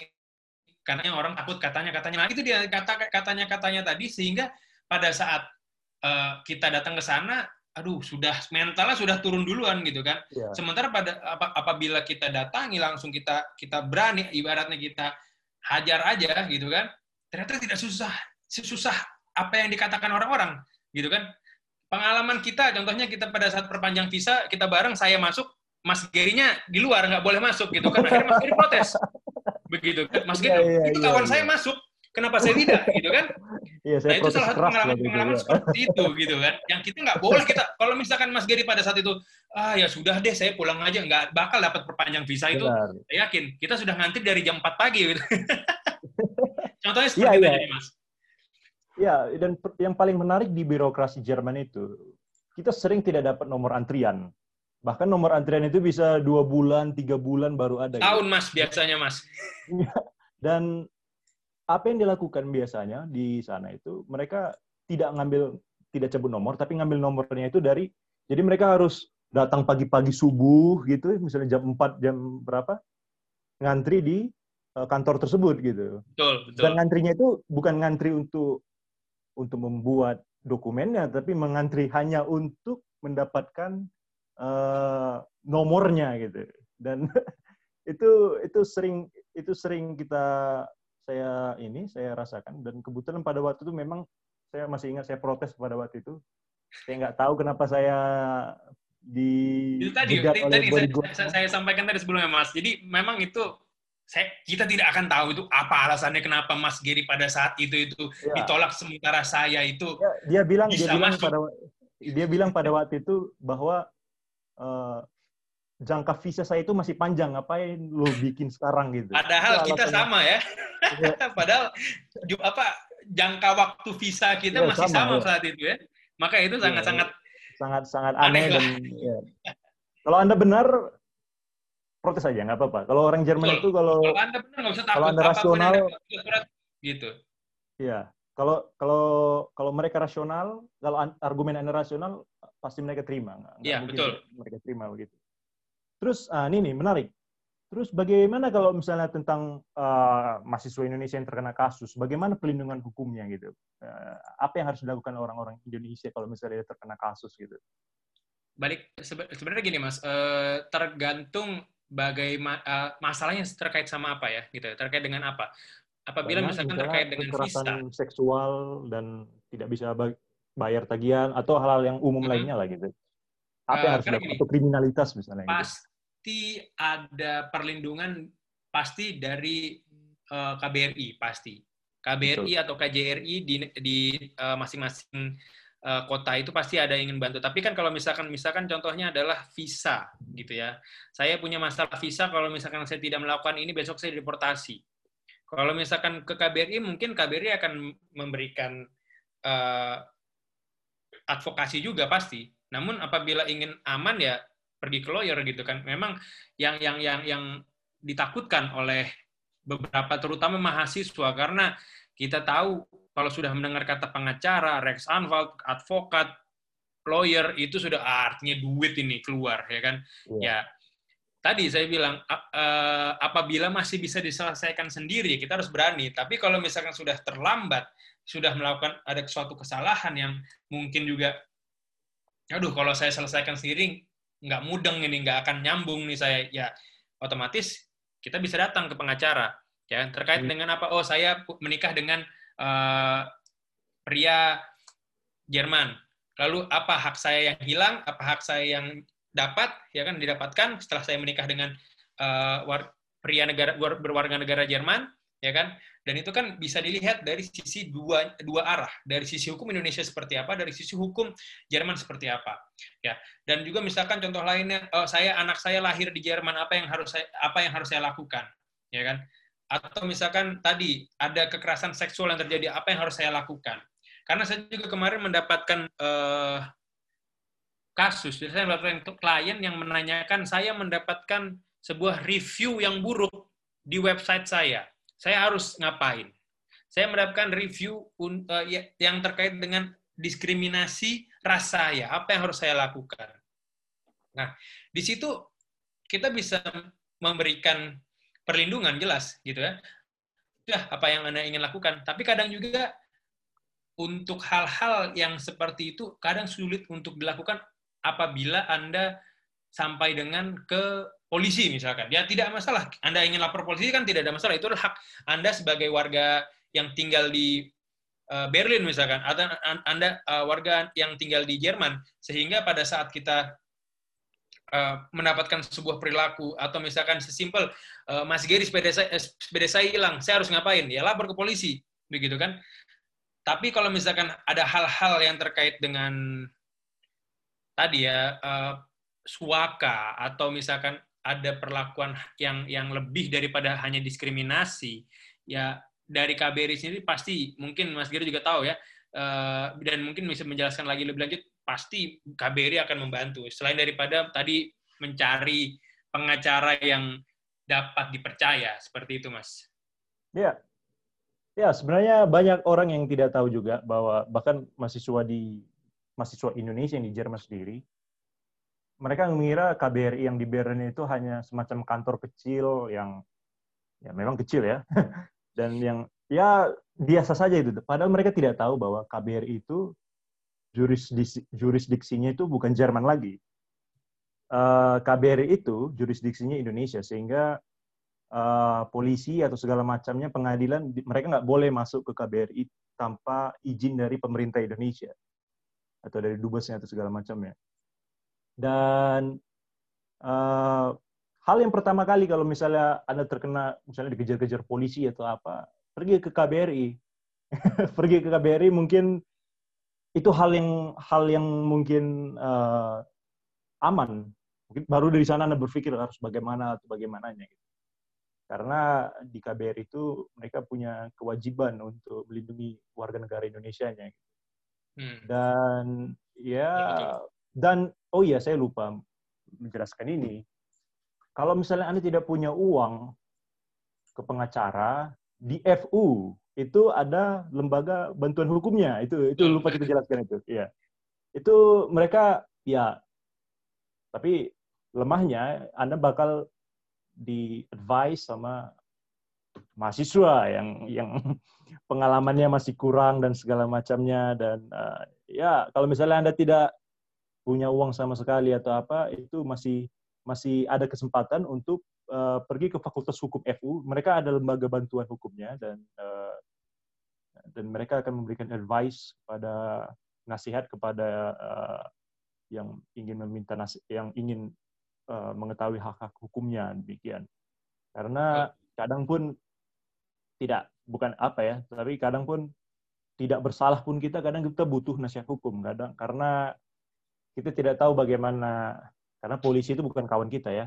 Kita tidak tahu bagaimana mereka akan mengolah atau bagaimana ininya kita kita harus skeptis akan hal segala halnya gitu dan dan sering juga misalnya kalau misalnya di Berlin itu atau di Jerman sering juga kita kadang ada sering kasus advokat-advokat yang nyari duit dengan cara mengirimkan surat gitu. Mengirimkan hmm, yeah. surat dengan dengan dalih bilang bahwa Anda itu telah mengakses uh, film atau segala macamnya atau apa yang melanggar intellectual property gitu. Hmm, ya. Ada, ya, ada, ya. ada, ada, sering, sering terjadi, sering terjadi itu, itu di itu, Jerman dan banyak yang nggak tahu. Dua, dua, tiga kali itu yang uh, saya mendapatkan kayak gitu ya. Uh, bukan saya dapat, tapi uh, saya dapat orang yang nanya ke saya itu gimana tuh? Saya dapat manung bahasa kalau bahasa Jermannya itu manung, manung untuk ya. uh, telat bayar denda gitu ya, ya, ya untuk hal-hal uh, yang mungkin saya tidak pernah akses sebelumnya. Itu ada hmm. dua sebenarnya gitu kan. Ada satu itu yang scam, jadi hanya penipuan, ya kan? Email itu tiba-tiba banyak, ya, apalagi kemarin tentang GDPR itu ya, tahun Hmm. tahun lalu, ya, eh dua tahun lalu ya, dua tahun lalu itu GDPR, GDPR. mungkin mungkin kita harus jelaskan GDPR. Ya. GDPR itu undang regulasi tentang perlindungan data pribadi. gitu. Betul, perlindungan data pribadi. Jadi hati-hati kalau misalkan kawan-kawan mendengar dari PPI ini masuk tiba-tiba ada penawaran-penawaran diskon 50% dengan masukkan data, tiba-tiba besok dapat email eh, untuk membayar sebuah tagihan, itu hati-hati sebenarnya karena tadi perlindungan data konsumen itu apabila kita buka sebuah website biasa kita ada tulisan di bawah itu kan pilih apa saja yang boleh kita eh, yang boleh diakses, data apa saja yang boleh diakses. Itu sangat-sangat Hmm. penting menurut saya itu untuk dibaca gitu ya. Karena itu nanti terkait dengan eh, data privasi kita. Ya, dan sekarang ini karena eh, regulation dari GDPR itu sudah dikeluarkan oleh Uni Eropa sehingga Jerman sendiri juga sudah eh, mengadopsi meratifikasi hal tersebut sehingga tiba-tiba pada suatu saat saya dapat ratusan email dari website-website ataupun dari toko-toko yang pernah saya masukkan datanya, saya pernah masukkan email saya, ya kan? Contohnya misalkan saya pernah daftar kerja di sebuah tempat. Mereka hanya berhak menyimpan data saya untuk jangka waktu tertentu. Setelah itu mereka harus delete. Dan mereka tidak punya akses lagi. Dan itu yang mungkin di Indonesia harus dilakukan menurut Iya, iya, iya, benar. nantinya. Begitu. Betul. Karena di Indonesia sendiri hal perlindungan data pribadi itu sangat dihiraukan. Saya, saya kebetulan saya korban pada waktu beberapa hari yang lalu. Saya itu pada waktu itu karena saya waktu itu masih pakai nomor Jerman, kemudian saya balik ke Indonesia pakai nomor Telkomsel dan saya mau mengaktifkan nomor bisnis saya. Kemudian dari Telkomsel bilang bahwa eh, kan di Indonesia ternyata ada aturan baru bahwa kita harus mendaftarkan uh, Handphone. NIK kita, NIK KTP segala macam ke dalam ini ya. Oh, iya, iya. Terus saya diberitahu oleh pihak Telkomsel bahwa data saya tersebut dipakai. Jadi saya nggak bisa daftar gitu. Hmm. Jadi saya nggak bisa daftar handphone. Padahal saya tidak pernah menggunakan uh, data ini untuk untuk uh, mendaftarkan nomor Indonesia selama tiga tahun. Nggak pernah sama sekali saya saya saya pakai itu. Dan usul punya usul memang ada orang yang memakai data pribadi saya dan betul, betul. menggunakan nomor dan menggunakan nomor itu untuk banyak hal. Dan saya itu berbahaya sekali karena kita tidak tahu data tersebut digunakan untuk apa. Apa mungkin transaksi narkoba. Tiba-tiba BNN datang kepada saya, saya nggak tahu apa-apa dan saya ditangkap. Itu bisa bisa bisa terjadi hal demikian. Dan Betul, betul. perlindungan data itu dan tidak hanya itu aja, perlindungan data itu banyak juga mengenai tentang um, um, misalnya masalah-masalah seperti yang di saya nggak mau sebut merek ya, takutnya nanti digugat, tapi seperti to- toko-toko online lah, seperti demikian ya. Mhm, betul. Mereka sering menggunakan data, data kita itu diambil dan untuk melihat seberapa mampu kita membayar suatu produk. Oh iya, betul, betul. Ya, ya itu itu pernah kita pelajari juga waktu waktu betul, ya. di FU, Master, Ya. dan itu menarik sekali karena ternyata mereka men- me- melakukan tracking terhadap uh, histori pembelian kita dan mereka tahu berapa kemampuan beli kita. Misalnya begini, saya beli sepatu Converse dengan harga 200 euro. Saya sebelumnya pernah beli sepatu Converse dengan harga 200 euro dan kemudian ada sepatu Converse juga harganya sebenarnya 120 euro. Tapi karena toko online ini tahu bahwa saya telah pernah melakukan transaksi sebesar 200 euro terhadap produk Converse ini, dia nggak akan ngasih saya 120 euro. Dia ngasih saya 200 euro gitu. Itu pernah terjadi. Itu pernah terjadi ya. dan ada ada ada dokumentasinya ini nanti mungkin kapan lain hari bisa saya tunjukkan itu dia namanya CNBC Marketplace. Itu pernah diuji dan memang pernah terjadi bahwa terjadi price discrimination terhadap Mhm. diskriminasi harga terhadap konsumen dan itu didasari dari histori pembelian kita. Ada juga yang datanya itu diambil untuk tujuan politik sehingga Betul, di seperti Cambridge Analytica, ada juga yang banyak hal dan ini sangat sangat seram kalau bisa saya bilang ya. Betul. Dan R- betul. RUU perlindungan data sampai sekarang itu belum diratifikasi di Indonesia padahal itu sudah ngebet gitu. Seperti contohnya lagi Betul. Iya, pin- pinjaman online misalnya lagi ya. Betul, pinjaman apalagi itu, online ya. itu, apalagi itu dia dia memakai eh, saya tahu kenal salah satu direksi pinjaman online. Dia dari dulu mantan bank, nggak usah saya sebut namanya. Dan dia menggunakan itu, dia menggunakan data personal kita dan kita oke-oke aja gitu ya pas kita mau melakukan pinjaman online diokekan data kita semua itu diambil dari yang segala Hmm. macamnya segala macamnya terus ketika ditagih mereka mencari kes- kelemahan psikologi kita gitu. Hmm, hmm, hmm, hmm. Ah, lu harus bayar ini kalau enggak ini saya teror, saya saya ini, saya ini, saya ini, saya ini. gitu. Dan lucunya ibu ini saya enggak ya ibu ini bilang karena dia ibu dia bilang keberhasilannya lebih lebih tinggi daripada ketika saya dulu kerja di bank gitu. Iya, dia bilang dia bilang NPM-nya itu lebih tinggi ketika saya kerja di bank dan itu itu menurut saya pemerintah Indonesia harus harus Betul, sangat betul, aware akan hal ini, sangat aware akan hal ini begitu. Iya. Dan ya itulah tentang perlindungan uh. Terus bagaimana dengan perlindungan privasi di Jerman? Itu uh, apa apa ada bedanya nggak dengan antara orang asing dengan Jerman gitu? Apa Kalau kalau dari segi perbedaan jelas tidak ada ya, karena tadi Iya. eh, Jerman sendiri sudah eh, mengadopsi dari GDPR-nya EU ya, otomatis jadi se- segala jenis eh, website, segala jenis eh, institusi yang mem- yang meminta data kita ya, termasuk pencarian kerja, misalkan tadi dari eh, saya saya mau di kerja di company ini, saya mengirimkan surat lamaran saya, saya mengirimkan uh, ijazah saya semua itu akan dihapus pada akhirnya pada saat jangka waktu tertentu, misalkan tiga bulan ada itu. Jadi kita harus membaca. Memang kita tidak boleh kalau misalnya kita keluar sebuah website, kita tidak boleh oke oke itu jangan sebenarnya. Saya tidak sangat sangat sangat tidak menyarankan karena kita tidak tahu apakah website itu dipercaya atau tidak. Karena kita bisa lihat misalkan di website di atas itu ada apa HTTPS atau tidak. Karena di situ kalau Oh, misalnya iya. kita tidak ada S, tidak tadi tidak secure, tidak tidak aman, ya kan? Dan akhirnya bisa dilakukan bentuk praktek phishing. Phishing kan kita Hmm. masukkan data, ya kan? Data itu adalah data yang entah gimana. Dulu pernah ada kejadian di tahun 2009-2010 itu tentang PayPal, tapi tulisannya bukan PayPal, tapi Pay yang L terakhir itu bukan L, tapi I. Jadi Pai Pai. Mungkin kita tidak tahu kalau bisa kita ya. lihat kan ketik itu kan mirip-mirip ini ternyata kita masukkan data bank kita semua diambil untuk phishing tadi. Nah itulah yang bahaya gitu kan. Salah satu tadi juga dari Mas Gary yang tadi Mas Gary sampaikan tiba-tiba kita dapat surat, dapat email ya kan. Sekarang email Mas. Itu sangat banyak. Kalau dulu surat bentuknya oh, tiba-tiba dari mana nih saya nggak pernah download nggak pernah apa. Karena kalau memang download Mas datang langsung mereka Mas. Ini apa eh, surat kuning dibilang eh, kamu harus bayar karena kamu download ilegal. Harus bayar seribu kalau nggak salah. Iya. dan itu memang apa memang memang iya. Tapi kalau sekarang by email. Gitu ya.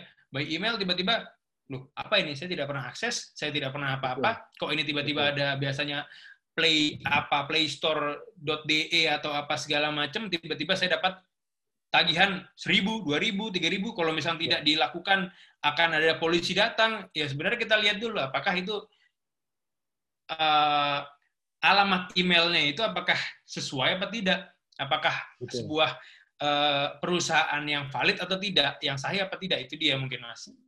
Jadi Ya, kalau betul, misalkan iya. ini sangat dilindungi. Jadi yang kita tadi itu eh, yang saya sampaikan juga yang kita diskusi juga bahwa tadi memang kita tidak boleh takut lah mas. Hal-hal kayak gitu tuh memang akan terjadi dan itu tidak boleh kita menyepelekan. Itu sih yang penting. Jadi apa yang keluar dari website itu kita harus baca baik-baik. Apakah Anda setuju dengan ini itu harus dibaca baik-baik terms and condition gitu. Kadang-kadang kita cuma scroll scroll scroll baca baik-baik karena apa yang bisa dilakukan oleh data itu sangat-sangat banyak. Tadi udah disampaikan oleh Mas Giri juga bisa untuk kepentingan politik, bisa untuk kepentingan bisnis dan lain-lainnya. Begitu, Mas.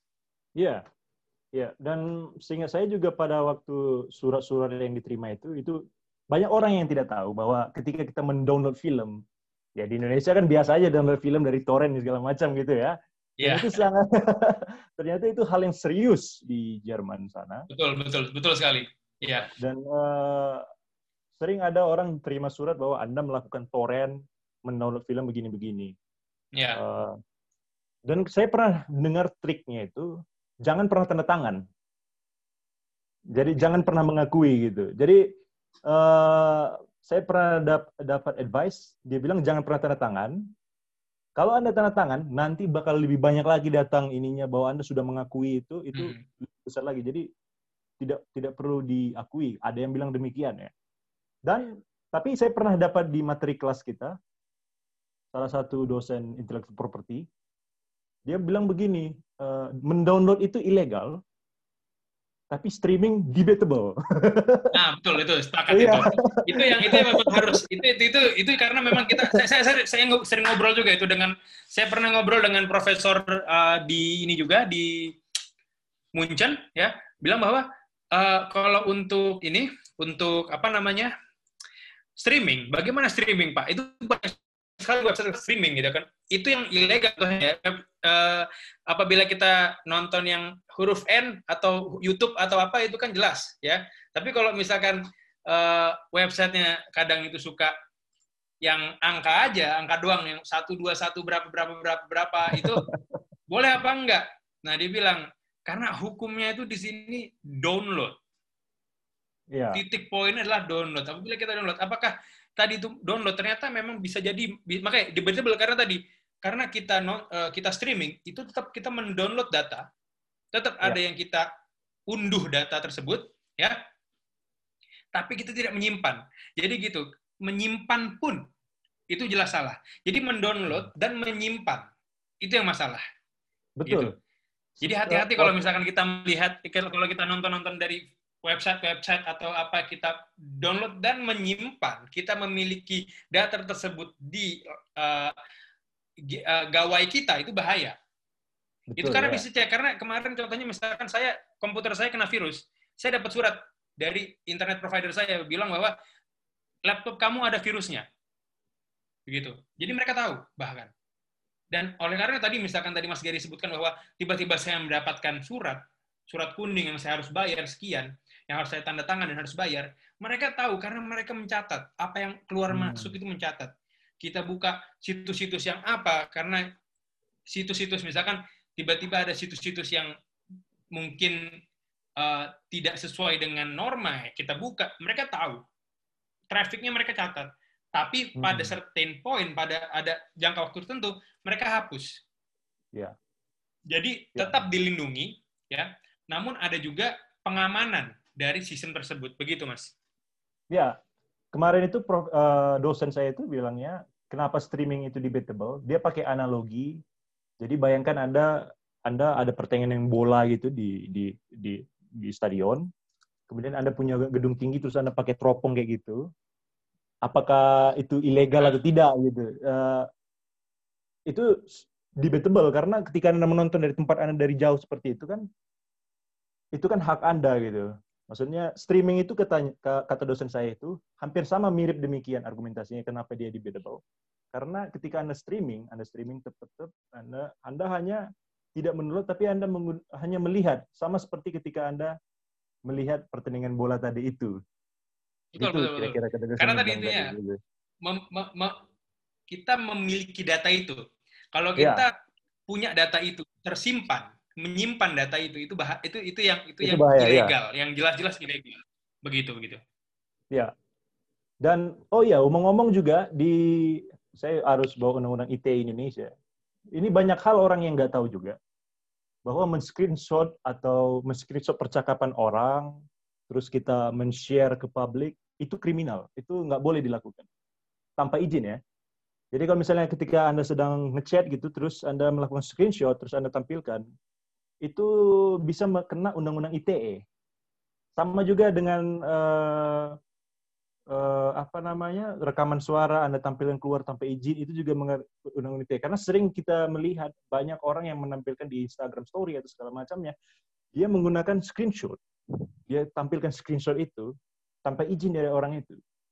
Sehingga ini mm -hmm. ini ini ini perlu diketahui juga bahwa di Undang-Undang ITE Indonesia itu sangat keras akan hal itu dan ya hampir-hampir uh, dan ini sering dihiraukan orang gitu dan ya dan undang-undang ITE ini juga uh, sangat dikritik sangat banyak kritiknya dan um, katanya butuh direvisi dan segala macamnya itu bagaimana pendapat uh, Bung Deska? Setelah ini kita mau, Itu mau mungkin- mengadakan tanya jawab abis ini ya. Iya. Ya. Ah, Oke, Um, singkat aja ya Mas ya. Eh, jadi memang sangat-sangat-sangat banyak sekali kasus-kasus di Indonesia yang akhir-akhir ini saya dengar ya, gitu Eh, terkait dengan eh, saya tidak menyebutkan penyalahgunaan pasal, tapi lebih tepatnya mungkin akhirnya jadi pasal sabu jagat, begitu ya. Saya di webinar ini eh, mengatakan sesuatu yang Mas Geri tidak suka. Mas Geri posisinya di Indonesia, ya. Saya di Jerman. Dan Mas Geri langsung menyampaikan bahwa, ah, eh, saya kenakan pasal Undang-Undang ITE karena ini semua seluruh webinar direkam dapat menjadi barang bukti. Nah, karena tadi walaupun memang sudah eh, masuk ke MK ya kemarin kalau nggak salah itu ya Mas ya. Mungkin Mas Giri lebih lebih eh, update masalah ini Mas. Eh, jadi eh, Mas Giri bisa dengan mudahnya melaporkan saya karena menye- menyebarkan menye- mencemarkan bahasa ini ya, mencemarkan nama Mas Giri di publik yang menonton video ini, gitu kan, menonton webinar ini, dan sehingga saya bisa mendapatkan konsekuensi hukum. Nah, di situ yang mungkin menurut saya harusnya tidak seperti itu gitu ya. Karena saking kalau kata Mas Giri tadi saking benar-benar striknya sekali uh, UU ITE kita sehingga hal-hal yang seperti itu dapat menjadi sebuah tindak pidana. Betul, Gitu. karena begini juga, Bung Deska, sering terjadi kasus misalnya kekerasan seksual gitu ya. Hmm. Mereka butuh bantuan dan mereka punya bukti bahwa mereka dilecehkan secara seksual dan sering yang malah yang terkena itu yang korbannya. betul, betul. pernah Itu ada saya kasus- kemarin. ya. Iya, pernah ada kasus di ya, NTT kalau nggak salah ya saya lupa. Dia dia korban pelecehan seksual dari kepala sekolahnya. Dan dia menyebarkan uh, percakapan itu bahwa inilah bukti saya dilecehin begini-begini. Dan dia kena penja dia kena pidana atas dasar undang-undang ITE karena itu. Padahal dia korban gitu. Sehingga hal-hal yang seperti itu menurut saya kata harus ada pengecualian. Misalnya ketika kita menjadi korban pelecehan atau apa segala macam itu menurut saya harus ada um, penjelasan yang lebih dalam soal itu gitu. Betul, betul, betul. Oke. Sekarang kita menarik sekali pertanyaan eh, diskusinya. Sekarang kita akan melihat pertanyaan dari audiens. Kita lihat apakah sudah ada pertanyaan. Alright. Oh, ya. Ada dari Anonymous. Bagaimana prosedur jika kita ingin membuka bisnis Jerman? Wah, ini menarik. Menarik. Menarik, cuman eh, apabila ini, ini, ini, eh, pertanyaannya mungkin ini lebih ke prosedural ya, Mas ya. Maksudnya eh, Iya. terkait dengan ini kan kalau misalkan kita, iya, kalau misalkan saya cuman buka ini aja ya, saya menjawab dengan singkat saja gitu ya. Eh, yang pertama jelas kita lihat visanya dulu, Mas. Gitu. Hmm. Apakah visa Anda, kalau student, jelas tidak boleh. Begitu. Ya kan? Tapi apabila nanti setelah Anda lulus, Anda mendapatkan satu setengah tahun visa untuk mencari kerja, di situ Anda bisa buka bisnis ya. Jadi apabila ingin membuka kita lihat dulu sebenarnya. Paling aman itu adalah kita lihat dulu visanya ada apa tidak. Karena itu ada namanya saya bahasa Indonesianya malah kurang tahu ini. Jadi kalau misalnya kita lihat di visa di visa kita kita melihat apakah ada eh, di, di salah satu nanti kalau misalkan ada kawan-kawan yang sudah mendapatkan eh, resident permit ya apa izin tinggal di Jerman pasti ada mendapatkan Nebenbestimmungen. Nah, itu adalah biasanya itu adalah hal-hal apa saja sih yang bisa kita lakukan? Saya mendapatkan visa student, saya tidak boleh apa? Student hanya boleh bekerja 120 jam per tahun 80. untuk full time, untuk untuk uh, full time. Dan uh, kalau misalkan part time 240 jam karena kita tidak boleh bekerja lebih banyak daripada kita sekolah ya kan? Itu dasar dasarnya itu dasarnya contohnya. Dan ada hal-hal yang lainnya dan itu mungkin nanti saya juga pernah uh, dengan kolega saya akan membuat uh, penjelasan lebih lanjut. Saya saya juga sedang membuat uh, proyek YouTube untuk hal-hal yang seperti ini gitu ya. Apa saja sih yang harus kita lakukan apabila kita ingin buka bisnis atau apabila kita mendapatkan masalah ini, apa kita yang harus kita lakukan, apa yang harus kita uh, hadapi pada saat kita pertama kali masuk ke Jerman untuk student atau untuk pekerja gitu. Nah, tapi itu yang harus kita perhatikan terlebih dahulu apabila kita ingin buka bisnis. Yang kedua tadi, kalau misalkan kita ini kita membentuknya seperti apa? Ya, standar. Karena kita bisa membuka untuk PT misalkan.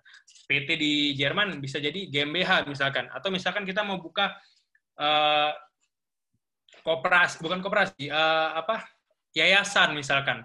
Gimana caranya? Misalkan PPI sendiri adalah bentuknya sebuah yayasan. Bagaimana cara kita membuka yayasan? Apa saja yang bisa dilakukan oleh yayasan?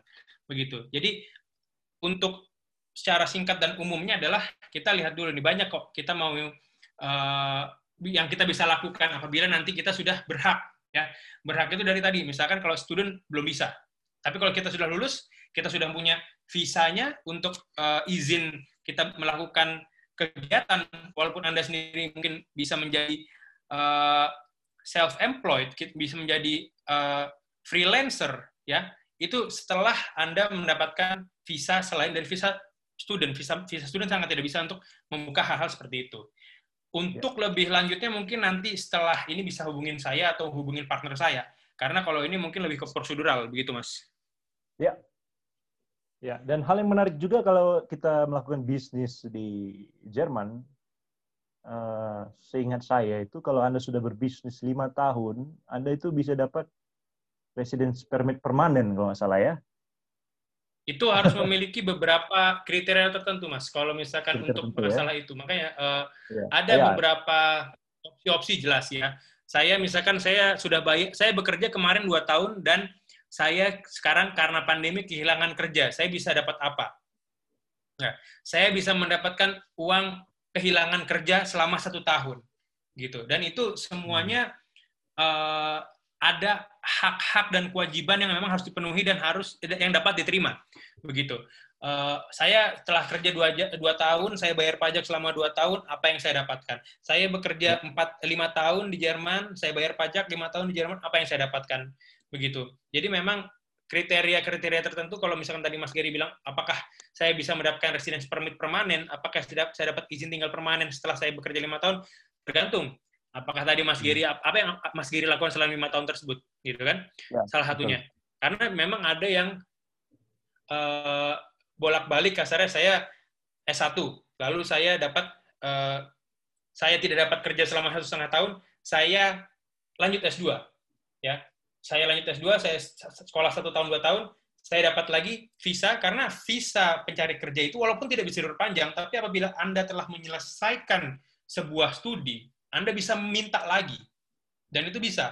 Yang itu mungkin orang juga banyak yang nggak tahu. Sehingga kayak, hmm. wah saya udah pernah ngambil uh, visa pencari kerja karena saya udah pernah. Kalau diperpanjang tidak bisa. Tidak ada alasan untuk memperpanjang. Tapi kalau saya kuliah lagi hmm. dan saya ambil lagi itu, itu bisa.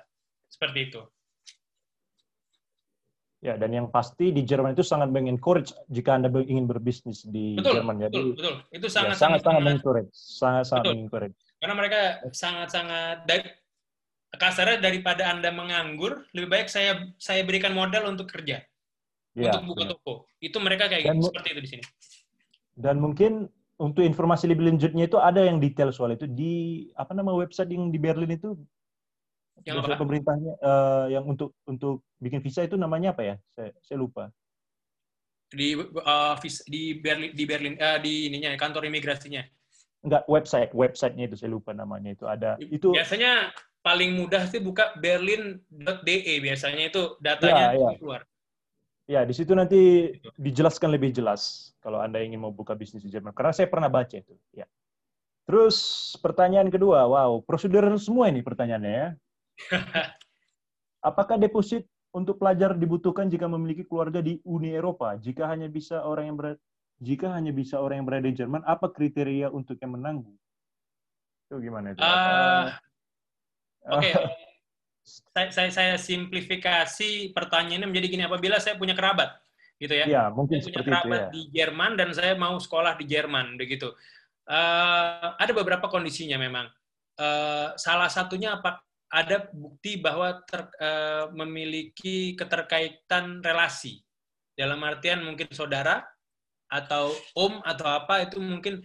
Dan penghasilan dari uh, keluarga tersebut atau relatif yang relasi tersebut di di sanak saudara yang di Jerman tersebut itu memang ada beberapa uh, kriterianya. Tapi itu mungkin saya kurang ini ya apa detailnya detailnya mungkin uh, nanti bisa dihubungin lebih lanjut ya. Hubungin saya lebih lanjut untuk masalah uh, detailnya seperti apa. Karena uh, kalau misalkan sekarang dibaca detail-detail semua, nanti uh, nggak ada waktu untuk membaca pertanyaan yang lain, begitu Mas? Iya, dan memang sependengaran saya juga, saya pernah dengar ini, ya mungkin Anda punya keluarga di Uni Eropa, tapi keluarga tersebut harus menjamin gitu. Ada uh, ada semacam surat yang menjamin bahwa keluarga tersebut menanggung Anda. Jadi tidak ya. hanya uh, Maka tadi kalau untuk hanya misalkan gitu. uh, untuk turis gitu ya, visa turis bisa biasanya dapat dari uh, dari kantor daerah tersebut gitu, misalnya kantor-kantor ya kita bahasnya kantor lurah lah ya, kantor lurah dekat uh, di sekitar situ. Jadi memang kita bisa minta dari institusi pemerintahan bahwa iya saya memiliki memiliki penghasilan eh, sebanyak ini dan saya ingin menanggung uh, saudara saya yang ingin datang untuk, uh, kepada saya. Seperti itu itu bisa gitu. Ya, intinya apakah keluarga itu mau menjamin itu sebenarnya. Ya, ya. Kalau misalnya mau dia menjamin ya itu mudah, tapi hanya punya keluarga saja belum cukup gitu. Ya. Terus pertanyaan dari Bray, bagaimana dengan hukum tidak tidak tindak korupsi di Jerman atau EU? Bagaimana perbedaannya dengan hukum tindak pidana korupsi di Indonesia? Apa boleh dijawab ini? Apa uh, gimana ya? Uh, saya mungkin bisa kemarin ya salah salah satu contoh yang saya hadapi ya. Mungkin bukan tindak korupsi karena kalau tindak korupsi di Jerman sudah jelas-jelas dilarang juga sama, tidak ada perbedaannya dengan di Indonesia. Mungkin yang berbeda adalah dari segi unsur-unsur pasalnya mungkin ya. Saya juga hmm. tidak terlalu uh, aware, tidak terlalu paham terkait dengan uh, hukum uh, tindak korupsi di Jerman. Tapi kalau misalnya kita bilang ya tidak boleh, pasti tidak boleh. Tapi saya mau mencontohkan satu hal tindak pidana yang cukup besar ter, ter dan yang ini benar-benar mungkin dari segi internasional dari segi internasional lo sangat-sangat penting untuk dibahas adalah pencucian uang. Jadi uh, sering sekali pengacara-pengacara di Jerman itu mendapatkan surat-surat uh, untuk memaksakan orang untuk membayar hutang jadi itu ternyata adalah salah satu bentuk tindak pidana pencucian uang. Begitu. Jadi ada beberapa eh, pernah datang uh, email ke kantor kami itu mengatakan bahwa ya saya butuh ini ini ini ternyata pada saat kita melakukan KYC salah satu uh, oknumnya itu adalah oknum yang pernah melakukan pencucian uang seperti itu. Dan, dan itu kita sebagai uh, pengacara, kita harus melaporkan itu ke instansi terkait. Jadi sangat-sangat hmm. dilindungi dalam artian di sini adalah sangat-sangat tidak eh, sangat-sangat mustahil apabila Anda ingin melakukan korupsi ataupun pencucian uang ataupun mau ibaratnya kita main-main ya dengan hal-hal kayak gitu di Jerman atau di Uni Eropa itu lebih baik saya saya saya, saya tidak tidak akan pernah memberikan hal-hal seperti itu gitu ya. Untuk ya. nggak nggak akan karena itu itu itu, itu sangat-sangat dilindungi sekali. Jadi sangat-sangat uh, tidak bisa lah dimainkan hal-hal seperti itu. Begitu Mas Kiri. Ya dan tindak pidana, I mean, I mean undang-undang uh, tindak pidana korupsi di Indonesia itu juga saya belum baca yang baru ya yang direvisi oleh Presiden Jokowi kemarin. Mm-hmm. Cuman yang sebelumnya yang saya baca itu itu cukup keras. Karena di situ klausulnya adalah segala tindakan yang merugikan negara, segala tindakan. Betul. Itu itu kalau misalkan sangat sangat luas, sangat sangat luas. Tentang merugikan keuangan negara itu bisa panjang sekali. Panjang sekali, panjang sekali. Bahkan uh, direks apakah direksi dari BUMN yang merugikan BUMN betul, itu dapat, betul. dapat dikatakan tidak pidana korupsi ah itu itu, itu, itu kita sangat... bisa lihat dari undang-undang keuangan negara satu mas kedua kita bisa lihat juga dari undang-undang BUMN ya Iya. Dan kita juga bisa lihat itu dari undang-undang dasar bahkan. Gitu. Hmm. Apa sih arti kekayaan negara? Apa sih kekayaan eh, arti kerugian keuangan negara? Apa sih? Atau juga dari undang-undang keuangan negara itu sangat-sangat menurut saya sangat panjang dan bahkan apabila itu saya punya beberapa apabila ingin bahas itu gitu ya, saya memiliki beberapa buku literatur yang bisa disadur untuk eh, dibaca lebih lanjut terkait dengan hal tersebut. Begitu Mas. Ya, salah satu contohnya seperti kasus kota si kota Sinababan kalau nggak Kota salah. ya. Sinababan, betul. Iya, di Merpati. direksi Merpati. Betul, ya. mana uh, perusahaan BUMN-nya itu bangkrut dan dia kena tindak pidana korupsi. Padahal dari, Ah, dari iya. Amerikanya sendiri diputuskan bahwa tidak bersalah ya, gitu ya. Itu sudah ada ada penipuan memang gitu ya. Tapi di Indonesia Iya, iya. sendiri karena memang merugikan keuangan negara yang di mana itu adalah sebenarnya keuangan BUMN, ya itu kita bisa bahas panjang lah mas. Pernah saya melihat ada kasus itu, eh, ada dari ahli dari Unpad, Fakultas Hukum Unpad. Jadi ada dia dibawa menjadi saksi ahli, terus pada waktu itu dibawa tentang tindak pidana korupsi yang mana em, tentang pencemaran lingkungan. Jadi hakimnya itu berpikir, ini menarik ini, karena dia, hakimnya itu berpikir, berarti kalau segala tindakan yang merugikan negara, berarti pencemaran lingkungan itu juga eh, merugikan negara dong. Terus eh, ahli dari Fakultas Hukum Unpad ini sangat menarik dia memberikan analogi.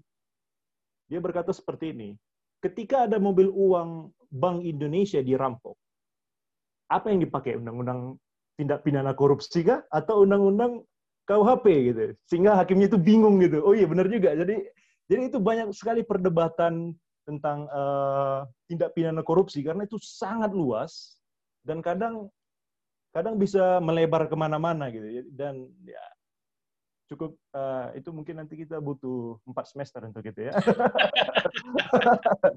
Karena itu sangat debatable ya sangat debatable. Betul, betul, betul. Setuju bahkan saya. tentang tindak tindak pidana pencucian uang itu KPK itu dari mana itu ranahnya? Kok bisa dia menangani tindak pidana pencucian uang? Apa dia apa kok? Dari mana dasarnya gitu? Ada hal-hal yang demikian gitu. Ya. Betul, betul. terus ya kita lihat pertanyaan-pertanyaan yang lainnya kalau izin tinggal di Jerman sudah habis namun kuliah belum selesai maupun di eh maaf belum selesai sudah lebih dari 10 semester apa bisa mengajukan izin lagi Tahu saya Ah. bisa ya kalau masih ada surat tentang ini Dari tentang ada ada surat keterangan dari ini keterangan iya bisa, bisa berbeda-beda setiap kasus sih mas ya. Kemarin Oh, gitu ada ya? yang masih bisa ya, tapi ada juga yang sudah tidak bisa itu dan itu misalkan ada juga kemarin yang mengajukan sebenarnya sudah semester terakhir ya, tapi tidak bisa begitu. Karena ternyata memang sudah terlalu lama ya. Tapi balik lagi apabila membutuhkan bantuan-bantuan hukum seperti ini sebenarnya jangan takut untuk datang ke pengacara, dat- datang ke advokat, datang ke Rechtsanwalt itu menurut saya adalah tindakan yang tepat daripada kita mau coba-coba tapi udah sudah tadi saya bilang kalau misalkan Mas Giri lakukan ini sekarang mungkin tidak akan terjadi seperti ini di ke depannya. Tapi kalau misalkan sudah di ujung tapi ternyata sebenarnya bisa dilakukan satu bulan bahkan satu bulan sebelumnya sehingga mendapatkan eh, sehingga Mas Gary ini sekarang di posisi yang sulit itu saya rasa tindakan yang kurang bijaksana gitu. Untuk mengundur-undur untuk menunda-nunda atau untuk ya sudahlah nanti saja nanti saja. Padahal sebenarnya ini adalah hal yang dapat diselesaikan sekarang gitu Hmm. jadi eh, kembali lagi mungkin apabila mendapatkan eh, masalah-masalah terkait dengan izin tinggal karena menurut saya itu sangat-sangat sensitif dan ter- termasuk saya mendapatkan curhatan-curhatan dari pengacara-pengacara eh, ini ya dari pengacara imig- hukum imigrasi di Jerman adalah kita tahu perasaan Anda visa Anda akan habis satu minggu lagi gitu kan tapi anda mendapatkan seperti itu karena Anda lalai untuk melakukan ini di beberapa minggu lalu, gitu kan? Tapi jadi sementara ada juga orang yang mendapatkan eh, kondisi yang sama tapi besok dideportasi, begitu. Nah jadi makanya itu memang ya eh, sebuah konsekuensi dari pengacara imigrasi di, di, di Jerman gitu ya. Namun hal-hal yang dapat dihindari harusnya bisa kita hindari dulu tadi makanya saya bilang oh saya mau uh, visa saya akan habis enam uh, bulan eh enam minggu lagi artinya saya dari minggu ini sudah harus sampai uh, datang datang ke uh, ke kantor imigrasi sehingga pada saat visa saya sudah mau habis saya sudah tahu apa yang harus saya lakukan jadi jangan ditunda-tunda ya. jangan ya.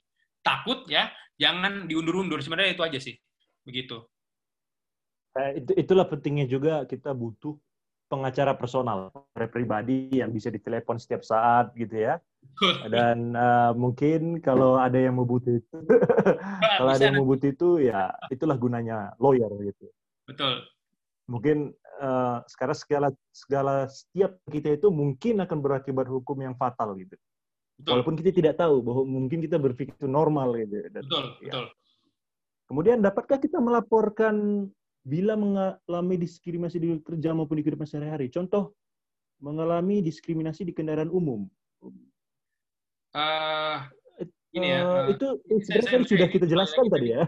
Iya, tadi sudah yeah. itu. Karena Ya sebenarnya apabila Anda ingin melaporkan hal tersebut gitu kan tidak ada masalah. Saya Anda bisa melaporkan hal tersebut. Saya mengalami uh, diskriminasi terhadap uh, pekerjaan saya misalkan. Saya karena saya pengacara Indonesia di Jerman saya di uh, dapat surat teror ngapain kerja di sini pulang ke negara biasa misalkan kayak gitu ya bisa lapor bisa tapi apakah hal itu hanya ingin mendapatkan uh, hanya ingin melak, uh, agar pelaku tersebut menjadi jerah ya kan? Tapi untuk melakukan itu ternyata harus ada prosedur-prosedur atau birokrasi lainnya yang menurut saya mungkin satu dua hal oke okay lah. Saya pernah dapat perilaku diskriminasi dekat sini dekat rumah ya kan?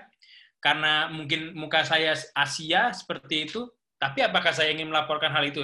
Lalu uh, untuk apa sebenarnya saya laporkan itu kan? Saya laporkan untuk berlaku biar jerah, biar ditangkap, atau memang saya ingin uh, diri saya merasa benar karena saya tidak melakukan apa-apa kayak gitu. Kalau saya sendiri pribadi mungkin saya akan sudah emang kenapa gitu kan itu mungkin salah satu ujian buat saya ya kan agar saya bisa menahan diri. Kalau misalkan kita yang kita kita yang melakukan kekerasan misalkan ada yang mengatain saya ah, dasar kamu Asia saya pukul balik saya kena masalah gitu kan. Peraturan pertama adalah jangan pukul duluan. Betul cuman ya, ya sudah. betul. jadi balik lagi uh, kalau misalkan saya bilang adalah ya laporkan bisa. Itu itu itu hak dari uh, korban begitu kan untuk melaporkan. Cuman ya tadi apakah itu gunanya untuk agar pelaku jerah ataukah emang hanya ingin melaporkan saja? Apabila kita misalkan mendapatkan diskriminasi di kendaraan umum apakah kita akan bertemu dengan orang itu lagi? Saya berkali-kali juga bertemu dengan orang yang melakukan diskriminatif di tindakan diskriminatif di kendaraan umum besok tidak akan ketemu lagi ya sudah. Apa? Begitu kan? Mungkin seperti itu ya. Mas Giri. Ya ya betul. Sehingga tidak perlu kita bikin ASEAN Lives Matter ya. Nggak harus sampai seperti itunya juga ya, karena uh, sudah sudah ada uh, wadahnya untuk itu gitu. Ya. Terus jika SK syaratnya B1 tapi untuk ah ini nih. Kalau pertanyaan untuk ini ntar Ketua PPI Berlin bisa menjawab lebih detail gitu. Dia ya, biasanya detail, uh, ini sih karena kalau ini kan student collect berarti kan mereka memang ada syaratnya B1 yeah. dan memang di situ B1 saja kurang sejujurnya ya untuk yeah. kita mau masuk ke universitas. Apabila yeah. sebuah universitas bisa masuk untuk mintanya C1 ya itu harus dipenuhin gitu kan. Ya, yeah, oke. Okay. Terus pertanyaan apa apa Jerman negara yang aman untuk perempuan? Bagaimana jika dibandingkan dengan Indonesia yang saat ini? Of course, naturally ya. Lebih aman di Jerman daripada di Indonesia menurut saya ya. Kalau kalau ini saya saya tidak mau komentar dengan yang kedua ini dibandingkan Indonesia dengan sangat buruk karena saya tidak tahu kondisinya sekarang ya. Saya ya. udah lama cuman gini saya bisa menjelaskan mungkin sedikit tentang negara Jerman apakah aman untuk perempuan jelas begitu tadi betul kata Mas ya. Giri jelas sih kenapa karena semua dilindungi gitu kan. Saya bukan uh, banyak juga komunitas-komunitas yang sangat dilindungi di sini. Dalam uh, salah satunya mungkin Mas Giri pernah lihat setahun sekali adanya uh, parade untuk uh, komunitas LGBT misalkan. ya Hmm. itu mereka diberikan eh, sebuah kebebasan untuk ya silahkan untuk kalian eh, mengekspresikan diri kalian seperti itu contohnya. Ter- Betul. terutama juga untuk perempuan yang tadi mungkin memang di beberapa saya dengar beberapa bukan daerah sih tapi beberapa kasus ya karena saya tidak eh, tidak tidak paham juga kenapa hanya di daerah tersebut atau di daerah ini gitu kan. Tapi memang ada memang perlakuan diskriminatif terhadap perempuan. Namun tadi baik lagi dari awal saya bilang secara hukum semua hak asasi manusia di Jerman terutama sangat dilindungi. Jadi tidak usah Hmm. takut untuk misalkan uh, ada ada kawan, ada saudara atau anda sendiri yang ingin anda sendiri perempuan yang ingin datang ke Jerman untuk sekolah untuk bekerja itu aman insya Allah. Begitu. Tapi, eh, well, begini ya, kadang kita harus eh, ini juga. Di Jerman itu eh, lelaki dan pria itu dianggap sama, dan Mhm. eh, tapi ada semacam per- perilaku yang mana, maksudnya sistem yang mana sebenarnya bagus untuk perempuan dan ada di Indonesia tapi tidak ada di Jerman. Tapi Mhm. itu seksis di Jerman gitu. Misalnya seperti eh, bus yang mana kanal khusus perempuan itu ya. Mhm. Di Jerman setahu saya tidak ada itu ya. Semua dicampur saja itu tidak. Ya, Padahal itu padahal itu bagus sebenarnya karena untuk melindungi perempuan eh, diberikan spot khusus untuk wanita dan yang sebelahnya itu bukan pria tapi bisa semuanya gitu. Jadi ada perlindungan katakanlah di Jakarta itu yang, ada seperti yang, itu. yang mungkin yang membedakan seperti itu bukan perempuan pada pada umumnya, namun biasanya itu anak kecil ya, eh, lansia atau Ya. yang mempunyai eh, disabilitas biasanya atau yang lagi hamil perempuan dan atau membawa Ya, anak betul. biasanya Ya, itu yang diprioritaskan yang di sini Betul. paling tidak begitu. Betul, Jadi itu ya. yang mungkin yang bisa saya sampaikan, saya tambahkan sedikit ya. Mungkin kalau untuk satu kereta gerbong khusus wanita mungkin tidak ada, tapi eh, ada tempat-tempat spesial, tempat duduk spesial yang memang dikhususkan untuk tadi eh, salah satunya misalkan lansia atau yang memiliki disabilitas atau mungkin Ya. eh, yang membawa anak atau lagi hamil gitu. Ya. Tapi itu memang ada perlindungan juga seperti itu. Iya, tapi di Indonesia di Indonesia ada itu. Jadi ada Ya, gerbong khusus wanita. Itu saya sangat sangat melihat itu positif sekali. Dan itu Hmm. tidak ada di Jerman. Dan bahkan bahkan ini pengalaman saya ya. Saya pernah memberikan tempat duduk saya ke- se- kepada wanita. Dan dia offended akan hal itu. Ya. Saya- Saya sering itu pernah tempat duduk saya kepada sa- sa- salah satu lansia di sini. Di, eh, beliau bilang enggak, enggak silakan silakan silakan. Saya Iya. saya lebih- saya pengen berdiri saya karena saya ingin berdiri. Saya lebih Iya. kuat kalau berdiri daripada duduk. Jadi memang mereka tidak mau terlihat lemah seperti itu. ya Mungkin betul, betul. mentalnya seperti itu jadinya. Orang tua yang sudah bungkuk seperti itu tidak mau dikasih duduk gitu kan. Enggak, saya mau Iya. berdiri, saya mau berdiri. Dia bilang gitu. Oh ya sudah. Gitu. Ya, gitu. Terus Oke. pertanyaan lagi dari ini anonimus semua ini ya. Apa orangnya tahu? Uh, Apakah produser pengurusan visa jadi berbeda jauh karena corona? Ah, ini bagaimana Ah, nih, Bung? oke. Saya kebetulan langsung pulang sebelum pandemi dan mungkin Bung lebih tahu. Jadi kalau misalkan kemarin ya kita misalkan contohnya dari Indonesia, misalkan ada mahasiswa atau uh, calon uh, murid yang calon student yang mau sekolah dari Indonesia memang sekarang ini yang saya tahu kemarin beberapa ada uh, kasus di kantor itu yang mereka terhambat karena tutup. Uh, kedutaannya tutup ya kan? Tapi sejauh ini mungkin yang akan berbeda itu apabila anda sudah berada di Jerman. Anda sudah berada di Berlin di mana sekarang yang yang tadi kita sampaikan kita ceritakan tadi kita harus mengantri dari jam 4 pagi jam 3 pagi itu nggak ada sekarang.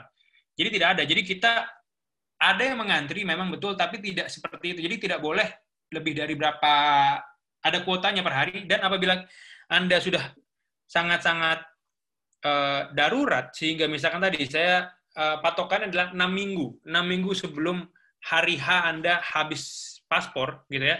Anda harus kirim email Anda harus eh, registrasi ke websitenya. Dan memang itu sudah ada di situ semua eh, cara tata caranya apa yang harus Anda lakukan nanti Anda mendapatkan sebuah surat konfirmasi. Dan konfirmasi itu Anda print dan itu berlaku sebagai pengganti sementara sampai dengan Anda mendapatkan satu uh, visanya, artinya saya Anda sudah mendapatkan visa yang betul-betul izin tinggal yang betul-betul Anda bisa yang resmi ya, atau Anda belum dapat uh, visanya tapi Anda sudah dapat konfirmasi Anda harus datang ke kantor imigrasi tanggal tanggal tanggal ini jam segini gitu. Jadi saya tidak perlu antri-antri lagi seperti jam 4 pagi gitu nggak perlu lagi seperti itu. Itu itu, itu ad, uh, kemarin saya datang dua tiga kali ke kantor imigrasi. Ada dua kantor imigrasi di sini di Berlin. Saya ya. yang tempat kita dulu itu yang di Kepler Straße itu kan. Ya, ya. Uh, itu kemar mereka tutup di situ. Mereka hmm. hanya menerima untuk uh, apabila sudah memiliki konfirmasi untuk datang. Tapi hmm. jadi tidak boleh untuk mereka ngantri nggak boleh lagi. Uh, dan yang satu lagi yang di Friedrichshofer itu mereka ada satu jalur untuk yang sudah memiliki konfirmasi bahwa ya mana tunjukkan uh, emailnya? Ditunjukkan emailnya ya saya punya tanggal segini jam segini eh, silahkan masuk. Dan tapi tetap saja ada yang ngantri begitu. Hmm. tapi dibatasi nanti dibatasi tidak perlu sampai dari jam 9 eh dari jam 4 pagi itu tidak perlu lagi gitu.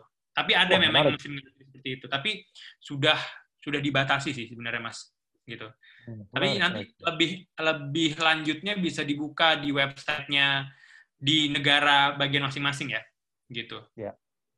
Oke, okay. tips yang harus dipersiapkan ketika pertama kali datang ke Berlin. Oke. Okay. Well, ya, yeah. mungkin ya, uh, gini, saja memang ada ya. beberapa hal ya, terutama misalkan apabila kita, kalau misalkan uh, contoh kasus seperti saya dan Mas Gary itu saya uh, sudah dapat kuliah ya, jadi saya uh, tinggal melakukan registrasi. Uh, kita harus uh, bahasa ininya kita melakukan unmelden. Kita datang ke Bezirksamt itu kantor lurah tadi saya bilang ya, Burger Am. Burger itu Am, jadi ya. kita harus daftar di situ bahwa misalkan saya dapat tempat tinggal di daerah kampus uh, FU dalam Dorf, saya tinggal di sana. Sehingga saya harus datang ke kantor lurahnya sana dalam uh, segera sesegera mungkin agar saya terdaftar bahwa saya tinggal betul tinggal di situ, saya bisa menaruh nama saya di depan uh, pintunya ya dan apabila ada surat menyurat masuk saya bisa mendapatkan surat tersebut gitu. Jadi hmm. kasarnya nggak nggak ilegal gitu. Saya tinggal di Berlin tidak ilegal seperti itu.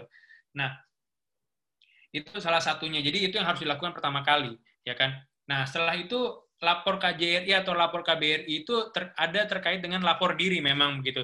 Uh, hmm. Yang saya tahu mungkin nanti apabila nanti ada kawan-kawan dari uh, kedutaan bisa mengkoreksi saya itu ada websitenya sendiri lapor diri. Jadi untuk uh, nanti akan ada ini ya akan ada di paspor itu akan ditempel seperti ini. Ya. Jadi ada mungkin kita bisa lihat ada di belakang ya. Ya di paling belakang itu ada kita dari telah melap, uh, bukti telah melapor diri di KBRI atau di KJRI ter, uh, dan kita mendapatkan nomor daftar dan itu sangat penting menurut saya apabila nanti kita lama tinggal di Jerman dan untuk uh, mendaftar untuk pemilu misalkan. Jadi kalau misalnya ke pemilu kita tinggal tulis saja lapor diri kita segini atau kita mau legis, uh, legalisasi dokumen kita tinggal tulis ya. nomor lapor dirinya ya kan. Jadi sudah tahu datanya sudah keluar semua. Itu sangat penting karena ya. uh, dari KBRI sendiri dari atau KJRI sendiri perlu untuk mendata warga negara Indonesia siapa ya. sajakah yang sedang berada di uh, negara tersebut begitu. Dan betul, untuk itu enrollment untuk, itu untuk pemilu juga perlu ya lapor betul, betul betul untuk pemilu ber, uh, kita waktu itu sempat pemilu yang terakhir itu ya 2000 ya, 2019 2019 ya. ya. Uh, ya. itu memang gitu jadi, jadi salah satu untuk memenuhi hak-hak kita sebagai warga negara Indonesia juga. Jadi kita dapat difasilitasi ter, eh, terkait dengan pemilu juga karena kemarin juga ada permasalahan terkait dengan gimana dengan orang yang baru datang dua tiga hari yang lalu. Apakah saya kehilangan hak saya untuk uh, melakukan uh, untuk memilih gitu kan? Ternyata kemarin juga dilindungi, tapi memang keterbatasannya bukan dari itu, tapi keterbatasannya mungkin Mas Giri tahu karena Mas Giri juga kemarin sebagai panitia dari PPI Berlin juga ya itu surat suaranya yang kurang. Ya. Gitu ya. ya. Dan Oke. kalau untuk Ya, enrollment ayo, dan lain-lain, seper, eh, masuk ke negara Jerman ini untuk deng- deng- dengan dengan tujuan belajar itu banyak sekali ininya ya, tipenya ya. Ada yang saya mau ambil tes bahasa dulu, saya mau ambil kelas bahasa dulu tiga bulan, atau ad- saya sudah dapat student collect di negara ini, saya sudah dapat ini, dan itu memang berbeda en- untuk enrollment. Makanya kalau kemarin kita itu saya melakukan enrollment dari Indonesia bahkan, karena kalau pada kasus saya, saya baru dapat visa itu setelah seminggu setelah kelas mulai. Jadi saya bertemu Mas Gary itu, Mas Gary sudah belajar satu minggu saya baru belajar, saya, aduh apa tadi yang kemarin saya nggak masuk gitu. kan. Nah, jadi gitu. Jadi memang berbeda untuk untuk untuk uh, prosedurnya. Begitu, Iya. Mas Gary. Iya, iya, iya. Ya, yang kalau saya dari saya ya, yang paling penting pertama kali datang ke Berlin itu pastikan Anda dapat Wohnung. pastikan Anda dapat tempat tinggal karena Berlin ya. karena ini sangat-sangat susah ya dap- dapat tempat tinggal di Berlin ya. Itu sangat-sangat susah. Tapi kalau misalnya Anda student, itu ada asrama, bahasa Indonesia asrama baru. Itu pernah saya lihat di apa istana itu eh, di, di, di istana Berlin itu apa namanya? Saya lupa. Dia dia pokoknya Yang di ada asrama Di- baru di situ. Oh ya. Di saya lupa nama apa itu. Ah itu pokoknya dia ada ada gedung baru di situ. Dan mungkin Anda harus pertama kali sebelum datang ke Jerman tiga bulan sebelumnya teror terus tuh website asrama itu itu teror terus saya mencari wohnung saya mencari tempat tinggal nih terus gitu-gitu terus dicari terus dicari terus pastikan anda dapat itu ketika anda dapat barulah tenanglah hati anda kalau kalau kalau saya kalau saya seperti itu gitu karena wohnung itu yang ah, wohnung apa ba- bahasa Indonesia wohnung tempat tinggal itu yang paling paling krusial sekarang di Berlin karena mereka sedang eh, mengalami krisis housing krisis di sana Betul, ya. betul, betul. Oke, saya pilih mungkin pertanyaan terakhir ini ya. Ya, ya. Saya mau pilih yang yang mungkin apa nih yang terbaik eh, Ini tadi yang paling atas ini. Itu yang di bawah juga bagus juga pertanyaannya. Yang mana ya? Lihat saya. Eh, Saya cuma lihat yang di atas dua coba ini. coba coba Mas Deska yang pilih deh. Waduh, saya, ini ini nggak. Yang, yang mana saya Karena bagus-bagus semua tapi cuma satu lagi gitu. Atau di bawahnya ada lagi nggak ya? Nggak Ada lagi ya? Kayaknya sepertinya banyak banget ini per- pertanyaan. Tapi tinggal boleh satu lagi. Iya, ya. Apakah prosedur ya? Saya eh, mendapat di semester mencari perjalanan Ismail, berarti masih banyak kasus seperti itu di Jerman ya? Eh, enggak juga sih. Itu itu jadi oke. Eh, mungkin yang ini kali ya, yang paling atas tadi ya. Ya boleh. Paling atas tadi Coba kita seberapa besar contoh suami ikut yang ini mungkin seberapa besar peluang dapat kerja di Jerman untuk lulusan S1 profesional tiga tahun bukan fresh grad mangga lulusan Gimana S1 tuh jelasan? Jerman atau lulusan S1 Indonesia ini sebenarnya lebih ini ya karena kalau misalkan lulusan S1 Jerman eh, kawan cerita-cerita kawan-kawan sih tidak terlalu susah ya dengan kita misalkan eh, perusahaannya bisa melihat bahasa Inggris eh, bahasa Jermannya bagus ya kan dan juga eh, etos kerjanya bagus sih saya rasa tidak tidak terlalu susah untuk mencari kerja ya apabila tadi. Karena tadi saya bilang saya mencoba untuk mem- eh, karena saya advokat saya pernah beker- saya pernah bekerja untuk restoran saya pernah bekerja untuk eh, kantor logistik. Tapi saya mikir wah "Eh, kenapa saya kerja seperti ini? Kenapa saya tidak membuka kantor sendiri? Akhirnya saya coba atau saya bekerja sebagai pengacara. Akhirnya saya eh, coba lempar eh, CV saya ke kantor-kantor hukum di Eropa terutama di Jerman dan mereka memang ternyata lebih memilih apabila lulusan S1-nya di Jerman. Begitu. Karena Hmm. otomatis mereka praktik mereka bisa praktik eh, hukum Jerman gitu ya. Sementara saya hanya terbatas hukum Indonesia dan eh, walaupun saya sudah ngambil S2 ternyata memang susah gitu kan tapi kalau misalkan Anda S1 di Jerman peluangnya saya rasa lebih besar karena otomatis Anda belajar S1 tersebut dengan menggunakan bahasa Jerman sehingga bahasa Jerman Anda sudah sudah sudah uh, sudah hebat lah ya, sudah sudah lancar. Jadi Ya. mereka sendiri akan lebih walaupun uh, nuan uh, walaupun iklim mencari kerja di Berlin itu sangat-sangat luas. Dalam artian di sini adalah negara mana pun dari bahasa apa pun karena mereka rata-rata memang pakai bahasa Inggris juga banyak gitu ya. Eh, terutama di perusahaan-perusahaan startup ya. Itu mereka bahkan ada saya beberapa tahu orang yang tidak bisa bahasa Jerman sama sekali mungkin. Bahkan untuk pesan makanan sehari-hari saja mereka pakai bahasa Inggris. Itu banyak. Tapi memang eh, saya bukan yang mendiskriminasikan gitu ya eh, lulusan S1 cuman lulusan L1 di eh, Indonesia. Tapi memang kebutuhan dari lapangan kerja di sini sendiri itu sih yang paling yang harus dipahami bahwa Betul, ya.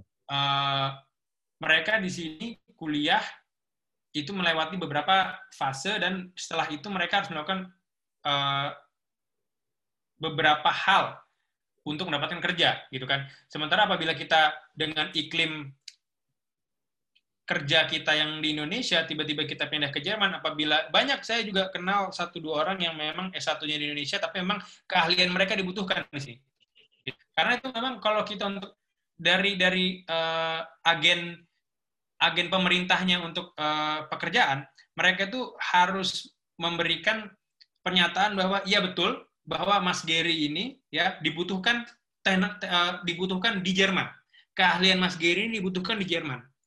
Mas Gary eh, S1 teknik mesin. Di sini teknik mesin banyak, tapi ternyata Mas Gary ini spesifik untuk hal-hal seperti ini. Bisa mengerti sehingga dipanggil. Nah, jadi kalau misalkan kita, saya, menurut saya akan lebih bijaksana apabila eh, ad- apabila ingin bekerja di Jerman, lulusan satu bukan fresh graduate, ya sudah bekerja tiga tahun, ingin bekerja di Jerman, cari dulu gitu kerjanya. Dan eh, apakah nanti ada panggilan atau tidak kan kita bisa lihat dulu. Karena kalau misalnya kita datang ke Jerman, saya pengen cari kerja ke Jerman, otomatis dari kedutaan Jerman di Indonesia akan bertanya-tanya, lalu Anda selama belum dapat kerja ngapain? Anda Anda mau ngapain di Jerman? Itu selalu pertanyaan utama. Anda mau apa? Karena itu mungkin menurut saya akan lebih sulit akhirnya. Saya, saya bisa menyimpulkan seperti itu daripada kalau misalkan Anda sekarang cari kerja dari oh saya ingin kerja di Jerman, saya cari peluang kerja di Jerman seperti apa? Oh ada perusahaan yang membutuhkan keahlian saya. Saya hubungin apabila saya mendapatkan barulah itu kita bisa melihat. Dan tadi eh, ijazah kita, eh, ijazah kita apakah diakui untuk bekerja di bidang tersebut di Jerman? Itu juga penting. Gitu. Jadi tidak bisa saya bilang saya S1 hukum, saya mau kerja hukum di Jerman. Ternyata S1 hukum saya itu tidak memperbolehkan saya untuk bekerja di bidang hukum di Jerman. Sehingga menutup kemungkinan saya untuk bekerja di Jerman. Itu bisa terjadi. Gitu. Dan untuk bidang-bidang lainnya tentu saja. Begitu Mas Gary. Ya, ya. Dan juga sebenarnya ya itu itu sebenarnya hanya permasalahan demand dari pasar itu sendiri. Betul, betul. Uh, dan maupun Anda lulusan dari mana pun atau cuma D3 atau SMA tapi Anda bisa punya skill yang bisa Anda tunjukkan dan ada demand tersebut di pasar Eropa itu sarjana atau segala macam itu tidak perlu penting sebenarnya. Yang penting itu surat penerimaan kerja dari perusahaan itu gitu. Jadi eh, em, kalau misalnya dalam hal Anda mau ingin kerja di Jerman, itu yang harus pertama kali Anda lihat itu nggak usah lihat kuliahnya dulu, lihat dulu ada nggak marketnya untuk saya saat Betul. ini gitu. Betul, betul, betul, betul. Ada nggak marketnya saya sa- saat ini saya eh, eh, untuk saya saat ini? Misalnya Anda lihat nih, oh saya lihat ada perusahaan ABC GmbH dan dia memiliki permintaan lowongan untuk pekerjaan yang sangat-sangat sesuai dengan Anda sampai detail-detailnya pun Betul. dia butuhkan gitu. Itu langsung Anda kirimkan itu, mereka mau promosikan Anda, visa langsung keluar. Tidak tidak tidak tidak perlu harus eh satunya seperti ini prosedur, tidak perlu. Eh, bahkan kalau misalnya Anda kuliah di Indonesia sekalipun, misalnya ada jurusan yang paling high on demand sekarang ini adalah computer science. Ya, betul. IT, computer science. Abang saya itu dia kerja di Amsterdam sekarang, lima tahun di Amsterdam. dia S1-nya di ITB perminyakan, S2-nya di Delft perminyakan juga. Kerjanya ya well computer science. sangat sangat jauh dari dari uh, dari uh, S1 dan S2 dia dan dia hanya belajar algoritma atau segala macam itu hanya otodidak dan dia terima di uh, Accenture dan yeah. uh, Accenture Amsterdam. Dan saya melihat uh, kita harus mengubah paradigma itu. Tidak perlu harus oh kita harus S1 seperti ini S2 seperti itu. Tapi lihat dulu marketnya. Marketnya ada nggak gitu? Ada nggak yang saat ini gitu? Kalau misalnya belum ada nah kira-kira bagaimana nih? Yang high on demand itu apa? Oh computer science. Oke okay, computer science. Mungkin saya bisa pergi ke Unicom atau apa pokok uh, gak usah harus kuliah mungkin anda harus bisa cari uh, apa kelas les, uh, les seperti itu mhm, dan les dan les itu bisa diakui anda bisa anda tawarkan ke sana diterima mudah simple tidak tidak harus S1 begini, S2 begini. Itu itu sangat old school ya. Eh, eh, dunia ini sebenarnya tidak sebatas S1 dan S2 sebenarnya. Itu ya, tapi menarik mau coba mungkin mungkin mungkin saya mau menambahkan satu ya sedikit ya, aja nih terkait dengan tadi uh, menarik dengan Mas Geri sebutkan bahwa itu tidak tidak melihat S1, S2 atau segala macam, tapi memang betul ada satu uh, metode lah ya. Salah satu tipe untuk mencari kerja di, di Jerman terutama. Ada namanya program Ausbildung. Itu kita ya, bahasa Indonesia mungkin vokasi ya, gitu. Ya, Tapi kita jangan sepelekan vokasi ini adalah ah vokasi ini berarti artinya hanya D3 apa segala macam. Bukan. Hmm. Jadi di sini Anda, misalkan Mas Gary ingin bekerja di Jerman. Itu banyak sekali bidang-bidang yang mungkin tidak diminati oleh warga negara Jerman. Bakery, uh, untuk misalkan untuk manggang roti apa segala macam itu ada vokasi khususnya. Uh, mungkin juga menjadi guru, guru TK. Ada kawan juga di sini yang menjadi guru TK. Uh, eh, lalu ada juga uh, mesin-mesin gitu ya. Dan itu banyak sekali hal-hal yang kita bisa mendapatkan uh, studinya dulu ya. Jadi misalkan Mas Geri tadi mau saya adalah uh, S1 teknik mesin. Saya udah kerja lima tahun di Indonesia, tapi saya ingin sekolah di, uh, saya ingin bekerja di Jerman. Bagaimana caranya? Oh ya, ternyata ada program Ausbildung tadi. Artinya apa?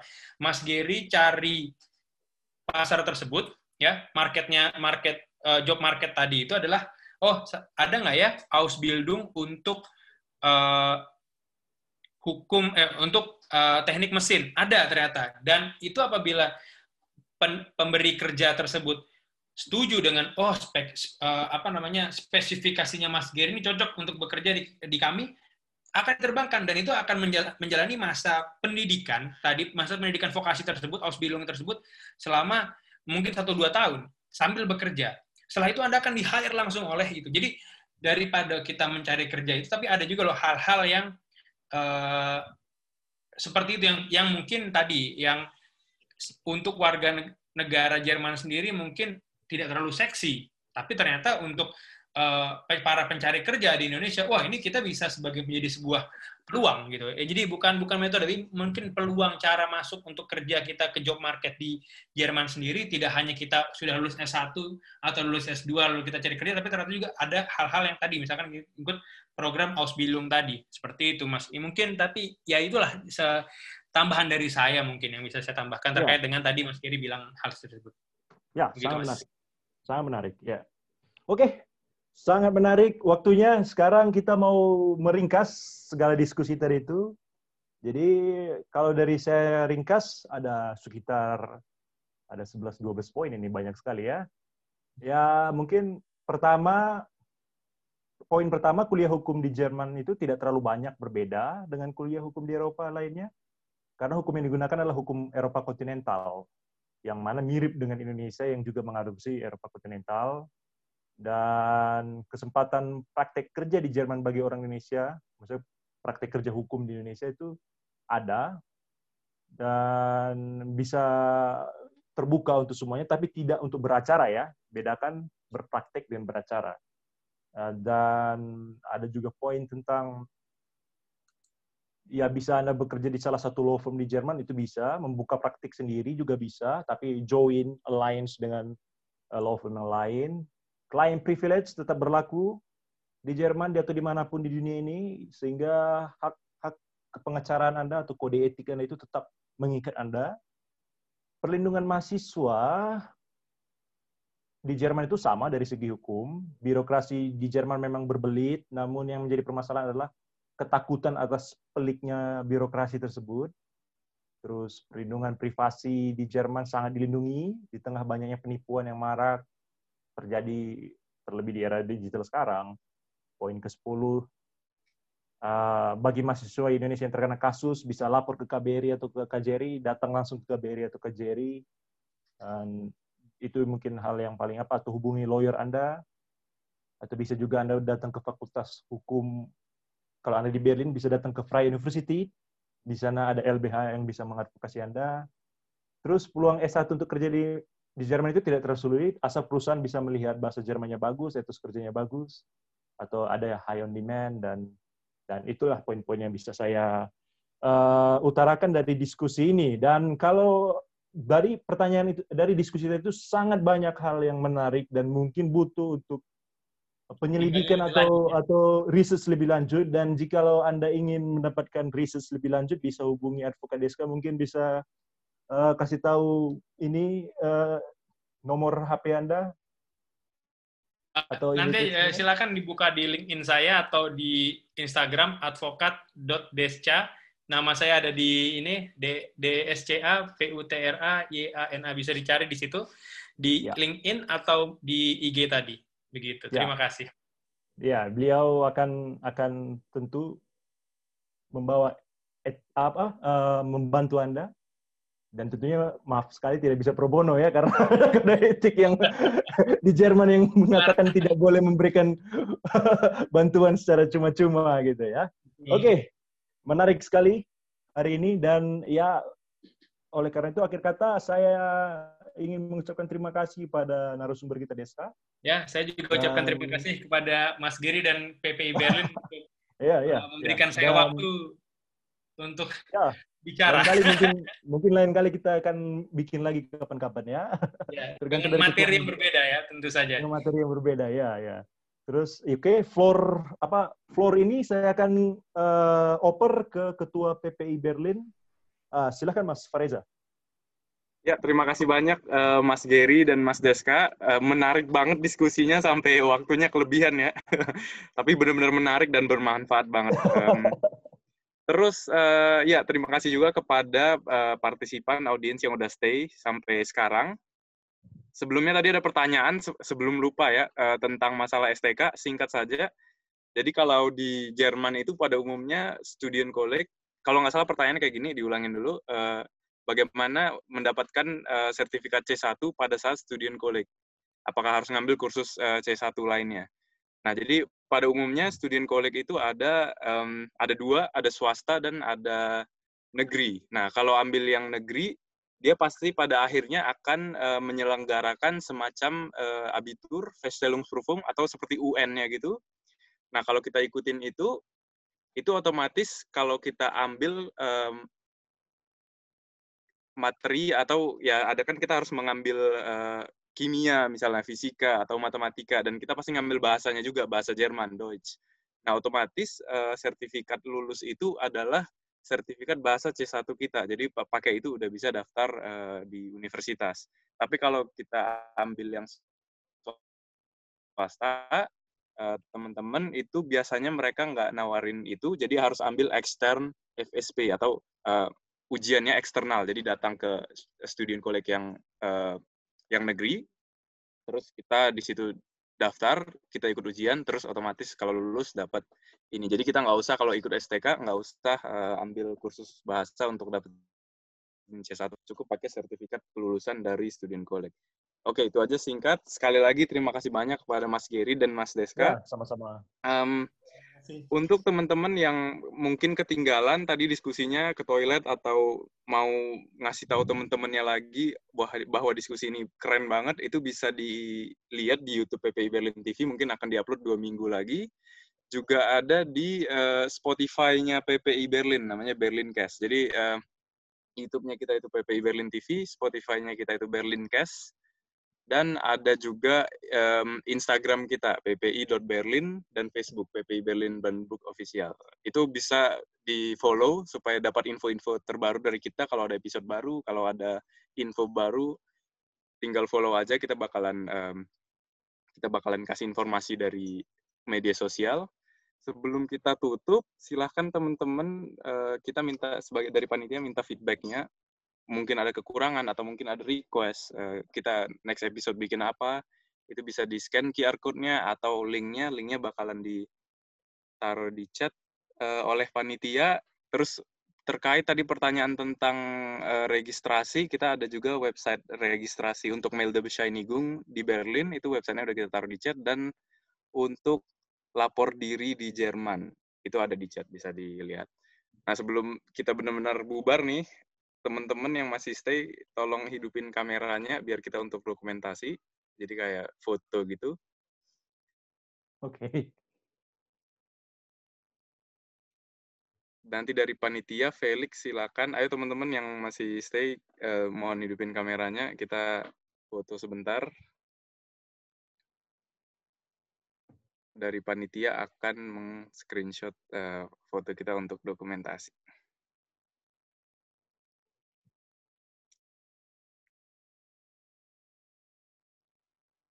Oke, udah rame nih yang ngidupin kamera. Aba-aba dari saya oh, aja. Belum aba-aba. belum, belum, belum. Oke, jadi maaf Mas Giri. Sabar dulu, Mas. Oke, siap. Uh, Felix standby ya yang foto. Oke, satu, dua, tiga. Sekali lagi mungkin. Satu, dua, tiga. Oke, dengan ini berakhirlah uh, eh, PPI Berlin Webinar Series episode kelima kita hari ini.